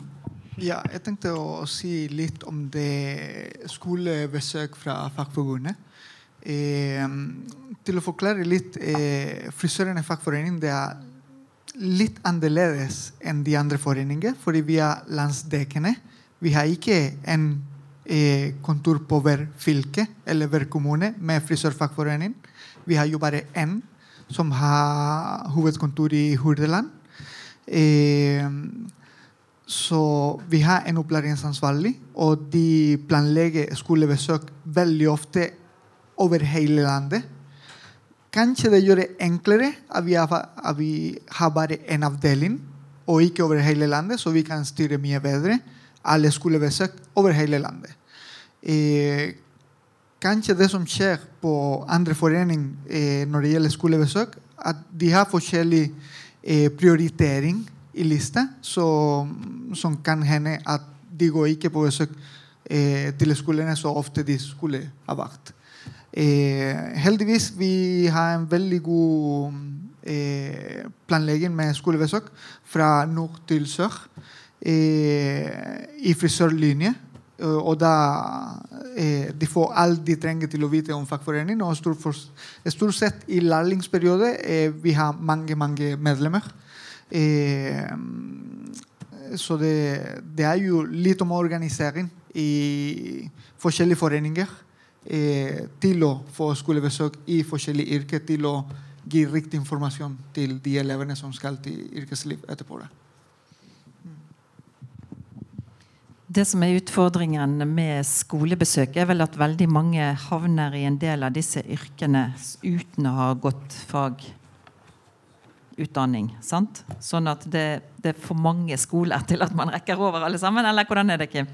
Jo da, eh, jeg tror det er eh, Det var egentlig akkurat det jeg hadde tenkt å si. Eh, jeg tror hvis man ser på f.eks. Oslo og Akershus, som vi holder til, så det jo, har det jo akkurat vært kommunevalg. Og der har det også vært skolevalg. Og uten å fortelle noe om hvilke partier som vant, så var det vel helt tydelig at venstresida vant det skolevalget ganske kraftig. Og så er det jo ganske interessant når du spør voksne medlemmer fra Arbeiderpartiet og bortover på venstresida om de er organisert, så er det litt for mange som sier 'hæ' eller 'nei'. Eh, fordi det er liksom sånn, ja, jeg stemmer på venstresida, men, men, men, men, det er egentlig den innsatsen jeg legger ned. Jeg betaler kanskje et medlemskap fordi det er en bra forsikring. Eh, og, og, da er spørsmålet liksom, er det, er det solidariteten som mangler. Eh, og jeg tror jo det da, at hvis vi hadde gått på videregående skoler, eh, hvor tydeligvis alle liker venstresida, som jo er fornuftig, eh, og lært de om hva vi driver med så hadde vi kanskje fanga dem mens de var unge eh, og hadde pågangsmot og ja, var litt lettere å snakke fornuft til enn disse litt eldre studentene. Eh, sånn at når de faktisk kom ut i en deltidsjobb eh, For vi har jo ikke fulltidsstudenter selv om vi har fullt studielån osv. Så, eh, så hadde de kanskje allerede vært medlemmer. Eh, jeg tror det kanskje er noe av løsningen. Og så tror jeg også at eh, det at uh, vår lille fagforening da, vi har 4000 medlemmer nesten, eh, og en veldig veldig dårlig økonomi. For vi tjener jo ingenting i den bransjen, her, så da blir det jo ikke noe penger på fagforeninga heller. Eh, jeg tror det, tror det, savner solidaritet innad i fagbevegelsen. Eh, både innad i LO, men også på tvers av de mer eh, jusshjelp-fagforeningene som finnes eh, andre steder. Eh, fordi det er vi som rekrutterer Det er de som begynner å jobbe i alle disse andre bransjene Eh, etter de er ferdig med universitetsutdannelse, en høyskoleutdannelse, whatnot. De er ofte studentmedlemmer kanskje i Juristforbundet. Som jo er fint hvis du skal bli jurist om seks år. Men hvis du er fem av de årene skal jobbe i utelivsbransjen, så er det på en måte det er, det er vi som burde hatt deg, og det, det, er, det er, du burde vært med og kjempet for våre arbeidsforhold. For det er jo noen av oss som faktisk er i den bransjen hele livet. Eh, ikke at jeg nødvendigvis har tenkt til det, eh, men, men, jeg har nå blitt værende. Eh, og, så jeg tror det er liksom Det å, det å get them while they're young type uh, uh, innstilling uh, tror jeg er Og det tror jeg man må gjøre felles. Jeg tror ikke man bare kan gjøre det liksom, at hotell og restaurant skal stå på Blindern hver fredag. Fordi det har vi ikke ressurser til. men kanskje noen fagforeninger som har mye mer penger enn oss, kunne vært villige til å bidra. Fordi kanskje de faktisk rekrutterer folk fra Blindern sjøl. Kanskje man må se på dobbeltmedlemskap. At man automatisk blir medlem av en, altså, av en annen bransje samtidig som du er studentmedlem i det du skal bli en gang. Eh, og så tror jeg da kanskje at når, når det som eh, Roy på en måte påpeker, at eh, en del bransjer hadde ganske ryddig arbeidsforhold, eh, så veit vi jo at det var eh, litt ulovlige streiker. Det var litt eh, blokader som kanskje ikke var helt etter loven. men man ga litt mer unnskyld man ga litt mer faen da, før. Eh, og jeg tror at spesielt i liksom utelivsbransjen og hotellbransjen og sånn, så, så, er det, det, er, det, er liksom, det er kortsiktig profitt. Som er liksom, Man skal tyne de arbeiderne så mye som overhodet mulig. Fordi de slutter om et år likevel. Så, så det er liksom, hvorfor skal jeg som Stordalen eller liksom Pascal eller whatnot, hvor skal jeg gidde å bry meg om de ansatte? Fordi jeg må jo uansett få inn nye om et år. For da er de utslitt. De er lei av meg. De har uh, blitt brukt opp. Og, og, det er sånn arbeidslivet er. Så jeg tror både at de ansatte Eller altså at, at, sjefene må forstå at det er fordeler med en tariffavtale. Og da må de fordelene være tydelige. De må, de må fungere. Og så må på en måte konsekvensene av å bryte loven eller ikke følge opp tariffavtalen da, de må være så knallharde at det ikke lønner seg. Fordi det er ikke noe tvil om at det lønner seg å gi faen i arbeidsmiljøloven. Eh, det er nærsalonger man ikke kan gå inn på fordi det er mafiavirksomhet. Vi har sett det i vaskebransjen. liksom hvor, eh, hvor, det har vært lagt rapport på rapport på rapport om svart arbeid og om trusler og whatnot, og, og, og, det skjer liksom ingenting. Og det er ikke bare det at det ikke skjer noe fra statlig side, det er ikke alltid det skjer noe fra fagforeninga sin side heller. Så, så, jeg tror kanskje vi bare må gå i oss sjæl, og så må vi si at uh, på et eller annet tidspunkt så brenner på en måte jorda opp. da. Og hvis ikke vi gjør noe, så er det på en måte for seint på et tidspunkt. Og jeg tror for, for arbeidsrettigheter eh, på gulvet i ganske mange flere bransjer enn vi, de vi står i, så, så, så, er det tidspunktet på en måte nesten forbi. For når du har revet det korthuset så godt ned, så er det ikke like lett å bygge det opp igjen. Uh, Espen. Ja. Uh, helt enig i det siste. her, At det må være en uh, og som uh, noe av det Roy var inne på også, at det må, det må være en uh, fordel å ha en tariffavtale i den forstand at det må være en veldig stram arbeidsmiljølov der man åpner opp for uh, visse unntak, f.eks. søndagsjobbing i vårt tilfelle, innenfor en tariffavtalesystem. Men det har liten betydning når du Altså hvis det fungerer sånn, så er det en fordel å ha en tariffavtale, en konkurransefordel overfor konkurrenter, men det betyr ingenting hvis du bare kan bryte arbeidsmiljøloven uansett uten at det har noen konsekvenser. ikke sant? Uh, også det Roy var inne på med hvordan uh, uh, Når man har på plass en avtale, hvordan skaper man aktivitet i bånd, og hvordan tar man vare på det og kan bruke, bruke, de ressursene man har kjempet til seg. det tror jeg er veldig sentralt, det å ha som som flere har snakket om, det å ha aktive klubber uh, der, der, man er deltakere, ikke tilskuere. Altså medlemmene skal være aktive og delta og vite at uh, det de gjør, har betydning. Hvis man organiserer seg, hvis man står sammen, så kan man være med å påvirke ting og oppnå resultater. Og det henger selvsagt også sammen med den litt sånn større ideologiske situasjonen i samfunnet. Hvor vi må begynne å snakke mer om uh, Eller kanskje også snakke med andre ord, men også snakke mer om uh, maktfordeling. Uh, hvorvidt reelt demokrati er mulig i en verden der veldig mye makt og midler er konsentrert på private hender uten noen demokratisk påvirkning. Man, man, altså, hele fagbevegelsen og LO og venstresiden må tørre å bruke litt større ord, og ikke bare snakke om liksom, kronetillegg i lønnsoppgjør. Det er, ikke, det er ikke det det handler om. Det handler om mye større ting. Om samfunnet som sådan, om demokrati, eh, om eh, eh, det å legge til rette for at folk kan leve gode, eh, gode liv der de kan realisere seg selv. Og liksom, eh, der man tar et oppgjør med kommersialisering. Det at det, et godt liv handler ikke om å forbruke så og så mye og kjøpe de, kjøpe de riktige tingene og sitte isolert hjemme og ha jævlig mye fine, dyre ting, men egentlig ikke leve gode liv sammen med dine medmennesker osv. Vi må tørre å snakke litt mer om sånne ting. Uh, og at det uh, uh, det også, Der må fagbevegelsen være inne, fordi det er, det er de demokratiske institusjonene som kjemper for folks rettigheter, og som tar demokrati og frihet på alvor. Uh, vi må ikke overlate de ideologiske debattene til Civita og Kristin Clemet osv. Vi må være på banen og snakke til folk om det som faktisk betyr noe for dem. Uh, og det, det, er, det, er, et potensial for det der ute. Det er en grunn til at jævla bompengepartiet får så, så, så mye oppslutning. Det er fordi folk er sure og pissed off, og de ser etter svar. Og de svarene de får, er fra fanatikere som er idioter. Hvorfor, hvorfor, er ikke vi der og gir dem gode svar som de kan høre på? Det, vi burde ikke le av dem. Vi burde se på oss sjæl og tenke på hva vi skulle gjort. Jeg syns vi skal klappe for det. Og Eh, som leder for LO i Oslo så gleder jeg meg til vi skal gå i gang med den store tankesmia vår som vi gjør hvert fjerde år foran LO-kongressen og stortingsvalget neste gang. Og det begynner vi med sikkert ganske fort over jul. Jeg hører at det er mange her som eh, sikkert kan være med i de gruppene når vi skal driste oss til å mene det samfunnet som vi vil ha. Vi pleier å være den organisasjonen som sender inn flest forslag til LO-kongressen. Eh, det var noen som tegnet seg her i stad som jeg ikke Dere må gå opp til eh, og si hvem dere heter, og sånt, og så tar vi det litt eh, en fire stykker til. Okay. Hei. Hei. Jeg heter Michele, og jeg er student nå. Men jeg har jobbet jeg er italiensk. Jeg har jobbet i restaurantbransjen i, som pizzabaker og som kokk. Og det som jeg husker at når jeg kom her Det var jo koselig å være 20 utlendinger i restaurant.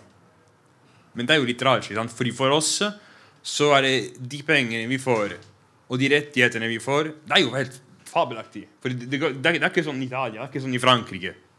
man har jo det, man tror, Vi trodde at å, vi hadde det så mye her i Norge.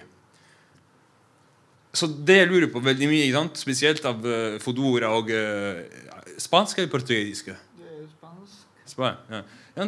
På hvordan har dere klart å uh, få med de som ikke er norske? Utlendinger som har kommet. Da. Spanskere, peruvianere, italienere, argentinere, polakkene, lituanere. Ikke sant? Alle disse her. Fordi jeg er veldig nysgjerrig på å vite hvordan dere har klart å komme i kontakt med dem, og hvordan de, dere har klart å, å, å, ta med dere i denne kampen. Ja. Og så eh, nestemann. Dere må bare være effektive her. sant? Kan ikke navnene på alle, bortsett fra Stig. da. Ja, Vær så god, du. Hei. Eh, Vivian er også fra Frisørenes fagforening. Jeg har i grunnen ikke spørsmål, men jeg har først bare en litt sånn kommentar i forhold til det med, med, regionale verneombud. For det er jo noe som frisørbransjen også eh, vil prøve å jobbe for. For eh, også samme som med, med, blomster, så er det snakk om små eh, arbeidsplasser. det er størsteparten er kvinner, det er mye unge, og det er et tett forhold til sjefen. Så det å, og I vår bransje så er verneombud det er sånn omtrent ikke-eksisterende. Så det å kunne få noen som kommer utenifra, hadde hjulpet mye for vår bransje, tenker jeg. Uh, og så har jeg egentlig ikke et spørsmål, men jeg har et ønske og en oppfordring. For det at én ting er å vise uh, samhold og solidaritet når noen er i en kamp om tariffavtale, men hva kan vi gjøre etterpå? Altså vi, eh, når vi får tariffavtaler på plass, det har dere kanskje sett hvis dere følger oss på Facebook, så, så, deler vi ut eh, kake til medlemmene på salongen, og vi tagger alle fagforeningene i området. og Vi tagger også partiene på venstresida og oppfordrer de til å bruke frisørsalonger med tariffavtale. Men det vi virkelig skulle ønske, var jo at det fantes en felles app, en felles merkeordning for alle sammen. Altså en app à la Handel og Kontor sin ordna forhold. Eh, den spurte vi om å få lov til å bli med på for tre år siden. Ingenting har skjedd. Eh, og sammen med, med eh, Fellesforbundet sitt tariffmerke, det har vi fått lov til å ta i bruk. Men drømmen hadde jo vært når du gikk inn på et senter, eller du gikk i ei, eh, i ei bygate, så, så, kunne du bruke appen og se der har de tariffavtale, der har de, eller du kunne se klistremerket i vinduet. Så, så når vi snakker om eh, forbrukermakt og synlighet, altså LO sine og er det 930 000 medlemmer, det er jo ei helt vanvittig forbrukermakt hvis vi bare hadde tatt den i bruk. For én ting er å ville eh, ja, klippe seg der det er tariffavtale, eller eh, handle maten din der det er tariffavtale. Men du må jo vite hvor du finner de plassene med tariffavtale. Så en felles merkeordning det er noe som LO virkelig burde jobbe med. Takk. Stig får ordet. Og så er det noen andre som må dere veive litt høyt. Heter Stig Berntsen. Er fra Fagforbundet og er litt sånn delt. Jeg er delvis hovedtillitsvalgt i Oslo kommune. Og så har jeg hatt en eh, skal vi si, blanda erfaringen med å prøve på privat område hos oss å organisere hudpleiere. Eh, jeg tror, jeg tror vi trenger eh, noe sterkere på tvers Jeg er blant de skal vi si, ugreie bransjene. Hudbleiebransjen vi begynte så vidt sånn for halvannet år siden å organisere lite grann. Eh, en bransje eh, totalt tariffløst og nesten uten medlemmer. Og med ja, altså, Bransjen er jo deretter. Du har alt mulig fra som, eh, fra arbeidsgivere som eh, sikkert er velmenende, men uvitende til de organiserte kriminelle nettverka. Eh, vi fikk en aldri så lit fot innafor i våres gjennom, gjennom, at vi fikk en tariffavtale på én liten salong med fem ansatte, hvorav vi organiserte tre. Eh, det blei altså, blei en ugrei erfaring. De medlemmene var vant med at fram til vi krevde tariff, så bisto foreninga dem opp mot arbeidsgiver i ulike typer problemer, og vi fikk nå ordna opp i hvert fall noen ting. Det som skjedde ved krav om tariffavtale, var nå for så vidt for det første at hun som var mest aktivt, blei plukka ut fra mens vi var på kveldsvakt, kasta ut og fikk beskjed om aldri komme tilbake mer. Så da var vi nede i to. Eh, og fra vi inngikk tariffavtalen, så ble det satt opp kamera på arbeidsplassen. De eh, ble lydavlytting av hele lokalene direkte overført på sjefens eh, telefon. Og sjefen har ikke prata med de, våre da, lokale tillitsvalgte siden den, denne tariffavtalen kom på plass. Så er det jo sånn at ja da, vi løfter saker videre, men i hvert fall sånn i vårt forbund så tar dette lang tid.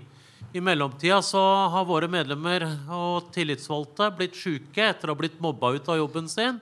Har ikke, ikke fått utbetalt sykepenger. De vil komme på et eller annet tidspunkt.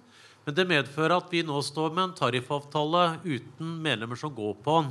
Sånn at eh, skal vi, Hva skal vi med den gladhistorien? Eh, altså, vi, vi, vi, skal fortsette å organisere denne bransjen, og vi må finne ut av åssen vi skal gjøre det.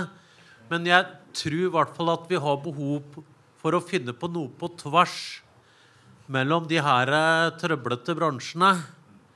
Eh, og helt sist, eh, Roy, jo trøkket nedenfra, det, det tror jeg i hvert fall avhenger av at vi får en fagbevegelse hvor faktisk altså makta ligger nede, sånn at medlemmene faktisk har noe de skal ha sagt også. For per i dag så er, tror jeg for så vidt fagbevegelsen er den mest topptunge organisasjonen jeg er medlem i. altså sånn... Og det stimulerer liksom ikke til å delta. Så takk. Takk skal du ha. Er det noen jeg ikke har sett, som har veivet med armene? Hæ? Er det, det var ingen som skriker eller noe sånt?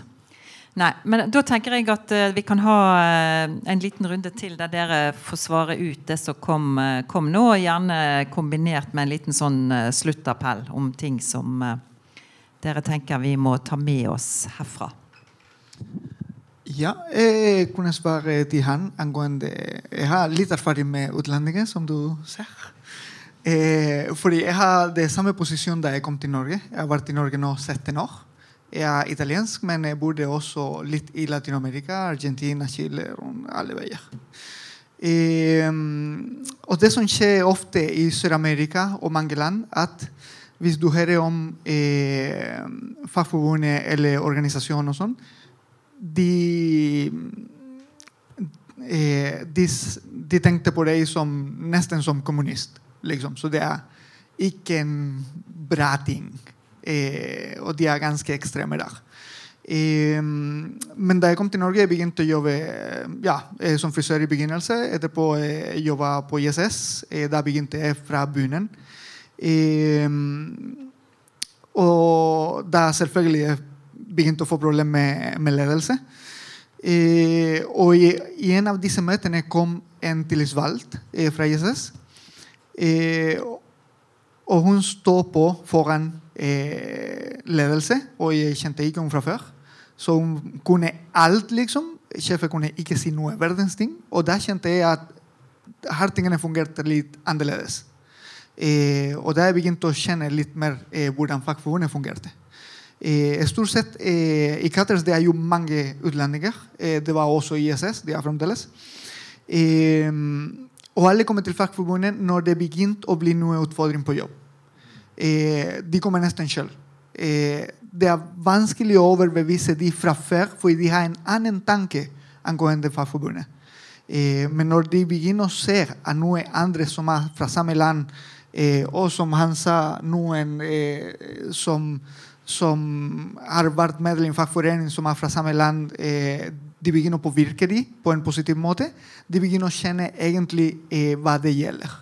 Eh, det er ingen fasit eh, på hvordan du kan få det inn i fagforeningen, men det går mest på erfaring fra egenfolka. og jeg får ring fremdeles fra mange forskjellige kattersalonger i hele Norge eh, hvor de trenger hjelp, og de spør tingene fordi ledelse er dårlig med vakteplanen eller med timebetaling. Eh, og da de begynner å kjenne at fagforbundet det er en apparat som fungerer som det skal, og ikke som pleier å være i andre eh, land. Så, så det er ikke noe fasit, men eh, det å vise frem at du står der i tilfelle de trenger noe, og etter hvert de kommer uansett til deg.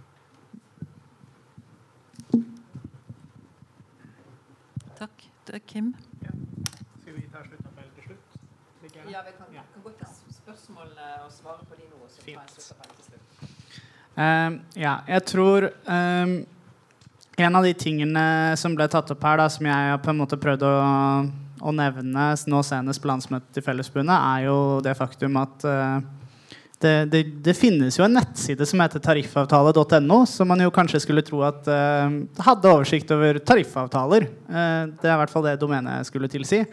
Det har vært registrert i hvert fall siden 2003, eh, som er så langt tilbake Norid har eh, data liggende. Eh, og, og det er LO som eier det. Så, så, så jeg mistenker jo at noen en gang i tiden har hatt en plan. Eh, og så har man kanskje forhørt seg med Egon Olsen istedenfor eh, en mer suksessfull eh, rådgiver. Eh, og det, det, det begrenser jo på en måte den forbrukermakta vi har. Eh, nå vet jo jeg hvor den lista med, med tariffavtaler i hotell og restaurant ligger. For den ligger på avdeling 10 sine hjemmesider. Eh, men det er jo ingen i den salen her som egentlig vet hvem, hva avdeling 10 i Fellesforbundet er. Det kunne jo like gjerne vært eh, heismontører eller eh, jeg vet ikke, flymekanikere.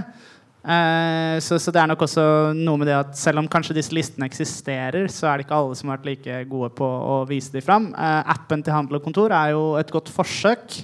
Eh, den krasjer vel nesten like ofte som den fungerer, og er vel ikke helt oppdatert. Men, men der er det i hvert fall noen som har prøvd å gjøre noe.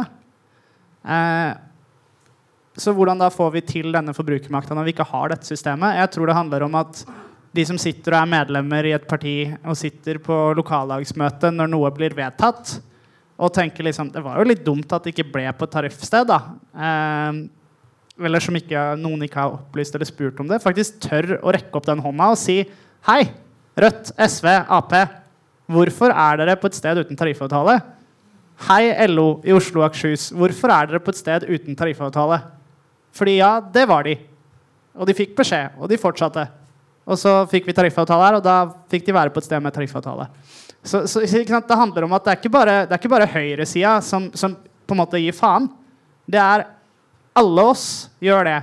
Altså jeg, Vi sier frisører. Jeg vet hvilke frisører som har tariffavtale, men jeg går til Adam og Eva, for det er der min frisør er.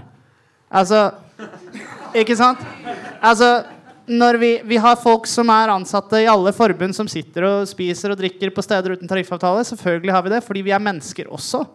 Og da er spørsmålet da, skal vi klare å ta det ansvaret selv, så må det være altså Jeg er ganske gjennomsnittlig engasjert pluss, pluss. Og jeg går til Adam og Eva. Jeg spiser kanskje på Max istedenfor på Burger King. Selv om Burger King har tariffavtale i hvert fall ett sted i Oslo. som jeg vet om. Eh, og hvorfor gjør jeg det som er så engasjert? da? Jo, det er kanskje fordi det er lettere for meg. Og da nytter det ikke at vi har et, et LO og et fellesforbund og et fagforbund som ikke har gjort dette lett. Det er rett og slett bare, det er ikke godt nok. Eh, det står til stryk, og det er nesten så en eller annen leder burde på en måte gått på huet og ræva ut på bakgrunn av det. da. Fordi de 900 000 whatnot-menneskene de bruker ikke den forbrukermakta si. Eh, det, det, er bare sånn det er. Altså, nå ser vi på Vita som gikk konkurs. Det er noen som liksom påstår at de gikk konkurs fordi de begynte å boikotte varer fra Israel. Jeg tror ikke det, altså. Sorry. Det, jeg jeg er ikke noe glad i Israel, men jeg har kanskje handla på Vita likevel. Uh, sorry. Så, så, jeg tror på en måte at hvis ikke det der er jævlig lett, så, så, så går det ikke. og så har jeg lyst til å si én ting til på akkurat det der.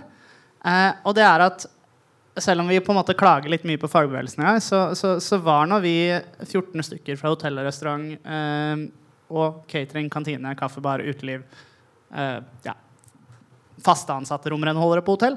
Eh, vi er en ganske stor avdeling. Vi var på landsmøte, og vi fikk uforbeholden støtte der. Og jævlig mye applaus. Og det virker som fagbevegelsen ser at ting er skit på gulvet. Eh, og da er spørsmålet, da Kommer vi til å gjøre noe med det? Vi har vedtatt en del gode ting, men så får vi jo se da, om disse på toppen klarer å sette ting i motion. Fordi vi på bakken vi sulter, og vi skriker, og vi begynner å bli ganske forbanna. Så jeg er for streik.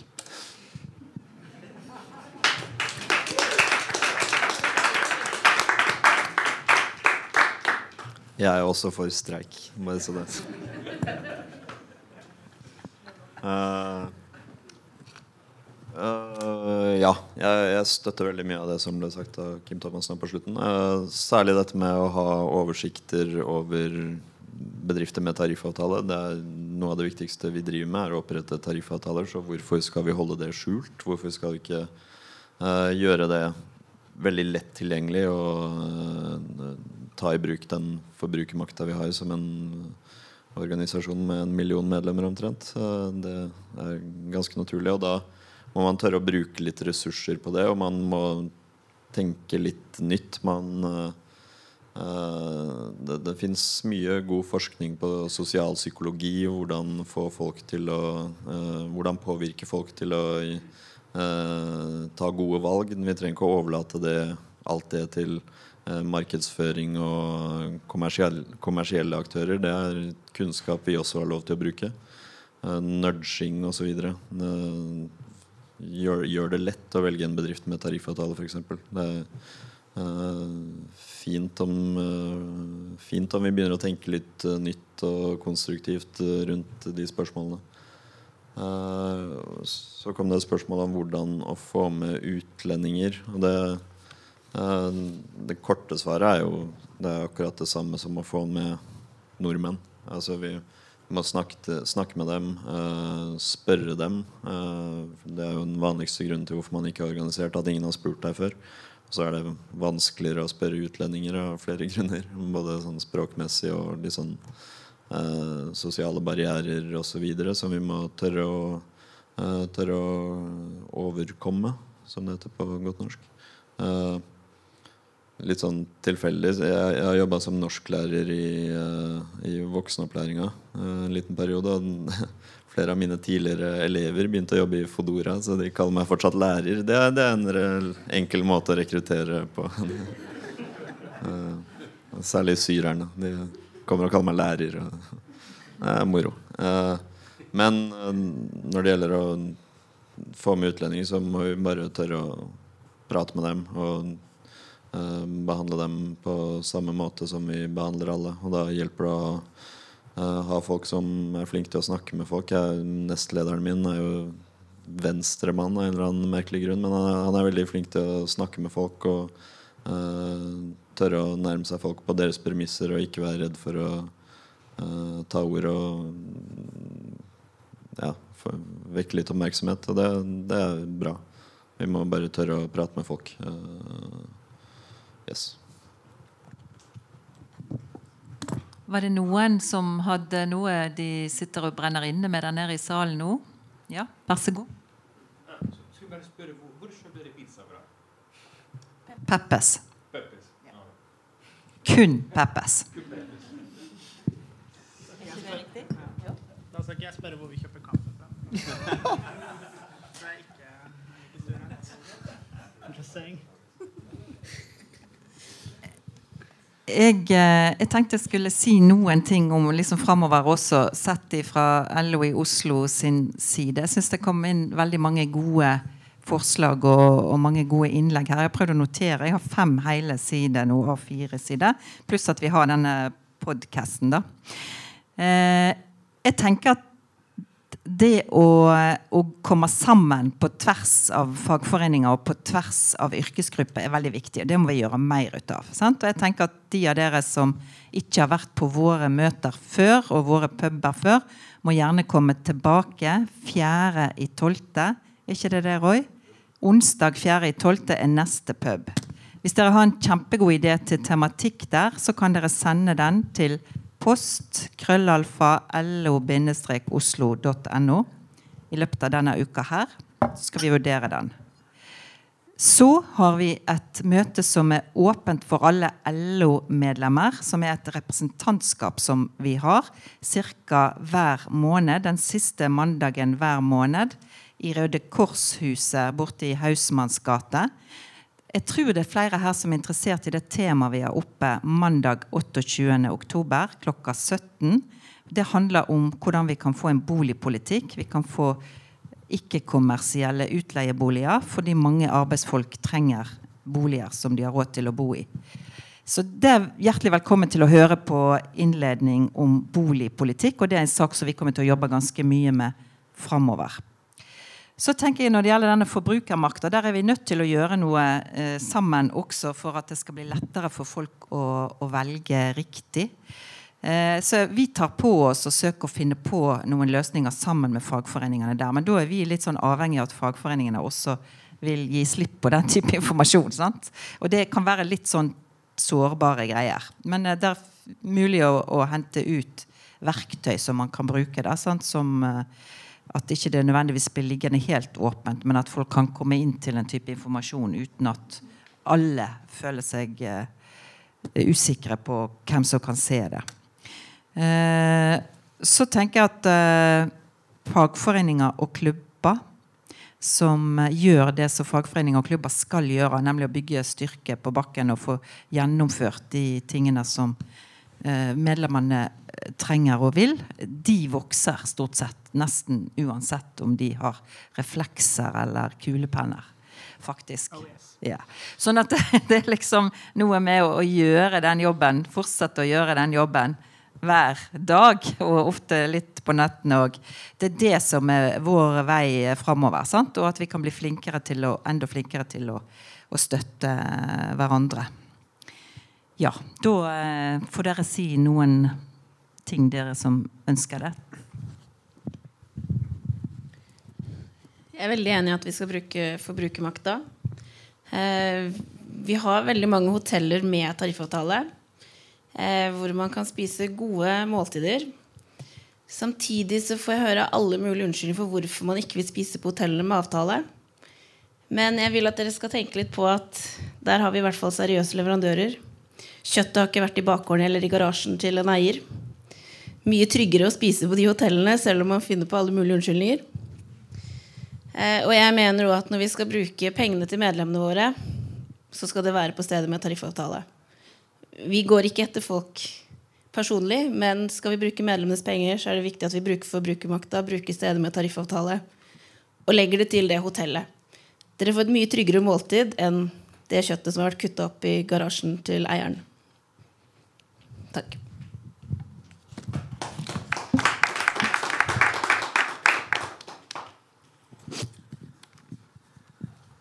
Ja, det kan jeg si angående tariffavtale. Eh, til, å, til, å, få tariffavtale, egentlig.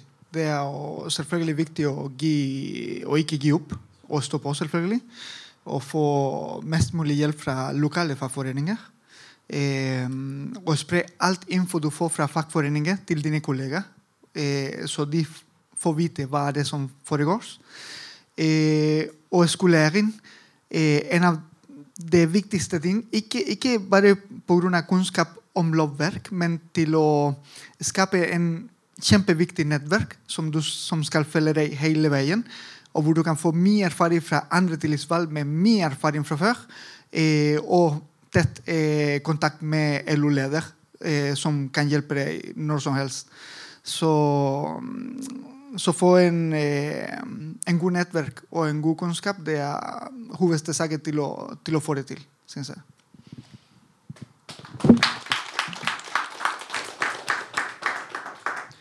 Eh, jeg har lyst til å sette fokus på tre ting. Eh, for det første så tenker jeg at eh, vi skal slutte å være venn med sjefen vår.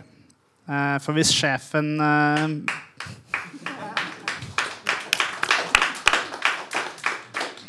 Jeg er ganske sikker på at hvis sjefen deres hadde behandla dere på den måten Hvis kjæresten deres eller hvis bestekompisen deres hadde gjort det, så hadde dere verken hatt kjæreste eller bestekompis lenger.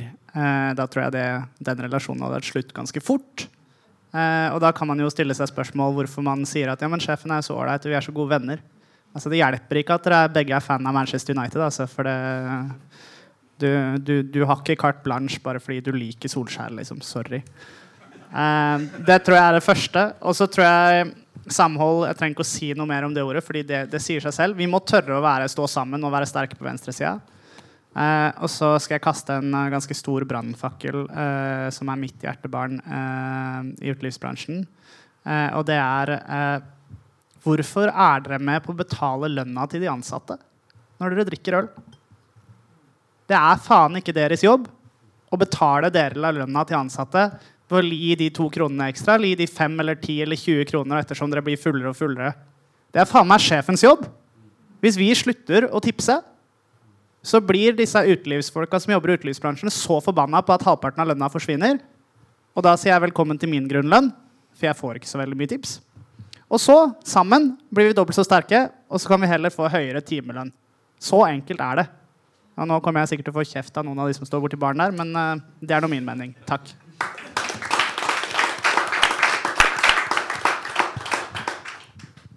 Uh, kan si et par ord om uh, livet etter tariffavtale i Fodora, som uh, i utgangspunktet er veldig bra. Vi har etter hvert begynt å få til et godt samarbeid med ledelsen. Og hatt det første månedsmøtet og et sånn ekstraordinært drøftel forhandlingsmøte, kall det det, om drift om informasjon om naturlig drift osv. Og, så og det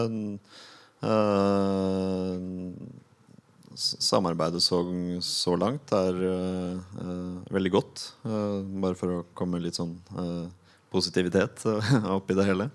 nå er jeg helt enig i at man ikke skal være venn med sjefen. Og vi ble jo etter hvert kvitt han svensken som var Carl Tengberg er ikke lenger sjef for Fodora Norge. Han er riktignok sjef i, for Fodora Norden, men fordi den offisielle historien er at det var litt mye å være sjef både i Norge og i Norden og i Sverige osv. Så, videre. så da har han blitt kvitt eh, den eh, ekstrajobben uh, som vi syns er ålreit. Uh, og, og, det har også åpnet opp for at vi, vi har et veldig godt samarbeid med uh, noen nestkommanderende under han som, er, som vi ikke er venn med, men som er en veldig en fyr det går an å prate med, som er samarbeidsvillig. og som uh, tilsynelatende tar tariffavtalen og loven på alvor ettersom man lærer han litt om hva den innebærer.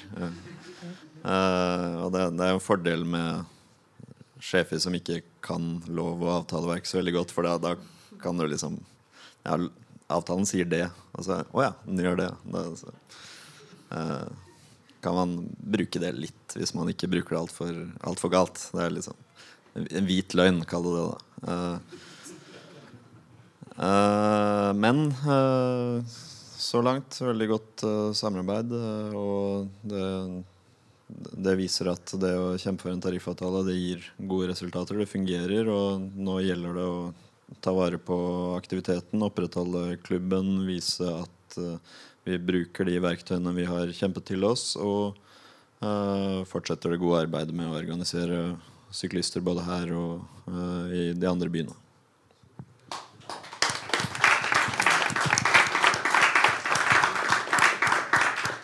Hjertelig tusen takk til eh, Espen, Kim Thomas, HC Louise og Merete, og til alle dere som kom og var i salen og var med på dette møtet. Jeg har lært veldig mye, og vi skal gå sammen ut i vinternatta og jobbe videre. Og så må vi prøve å møtes igjen på flere forskjellige måter. Hvis dere ennå ikke har sjekka inn på dette arrangementet, eller likt LO i Oslo, eller eh, sånne ting som gjør at dere sprer liksom, det budskapet om den plattformen vi er, så kan dere kanskje gjøre det før dere går på politisk eh, pub, som eh, arrangementet er, og like LO i Oslo. Nå får dere den siste boken, som kommer på Manifest eh, forlag for ei ukes tid siden. eller noe sånt. Det er Linn Stalsberg, 'Hvordan nyliberalismen ødelegger mennesker og natur'. Boka 'Det er nok nå'. Så den håper jeg kan spore til ytterligere innsats for den gode sak.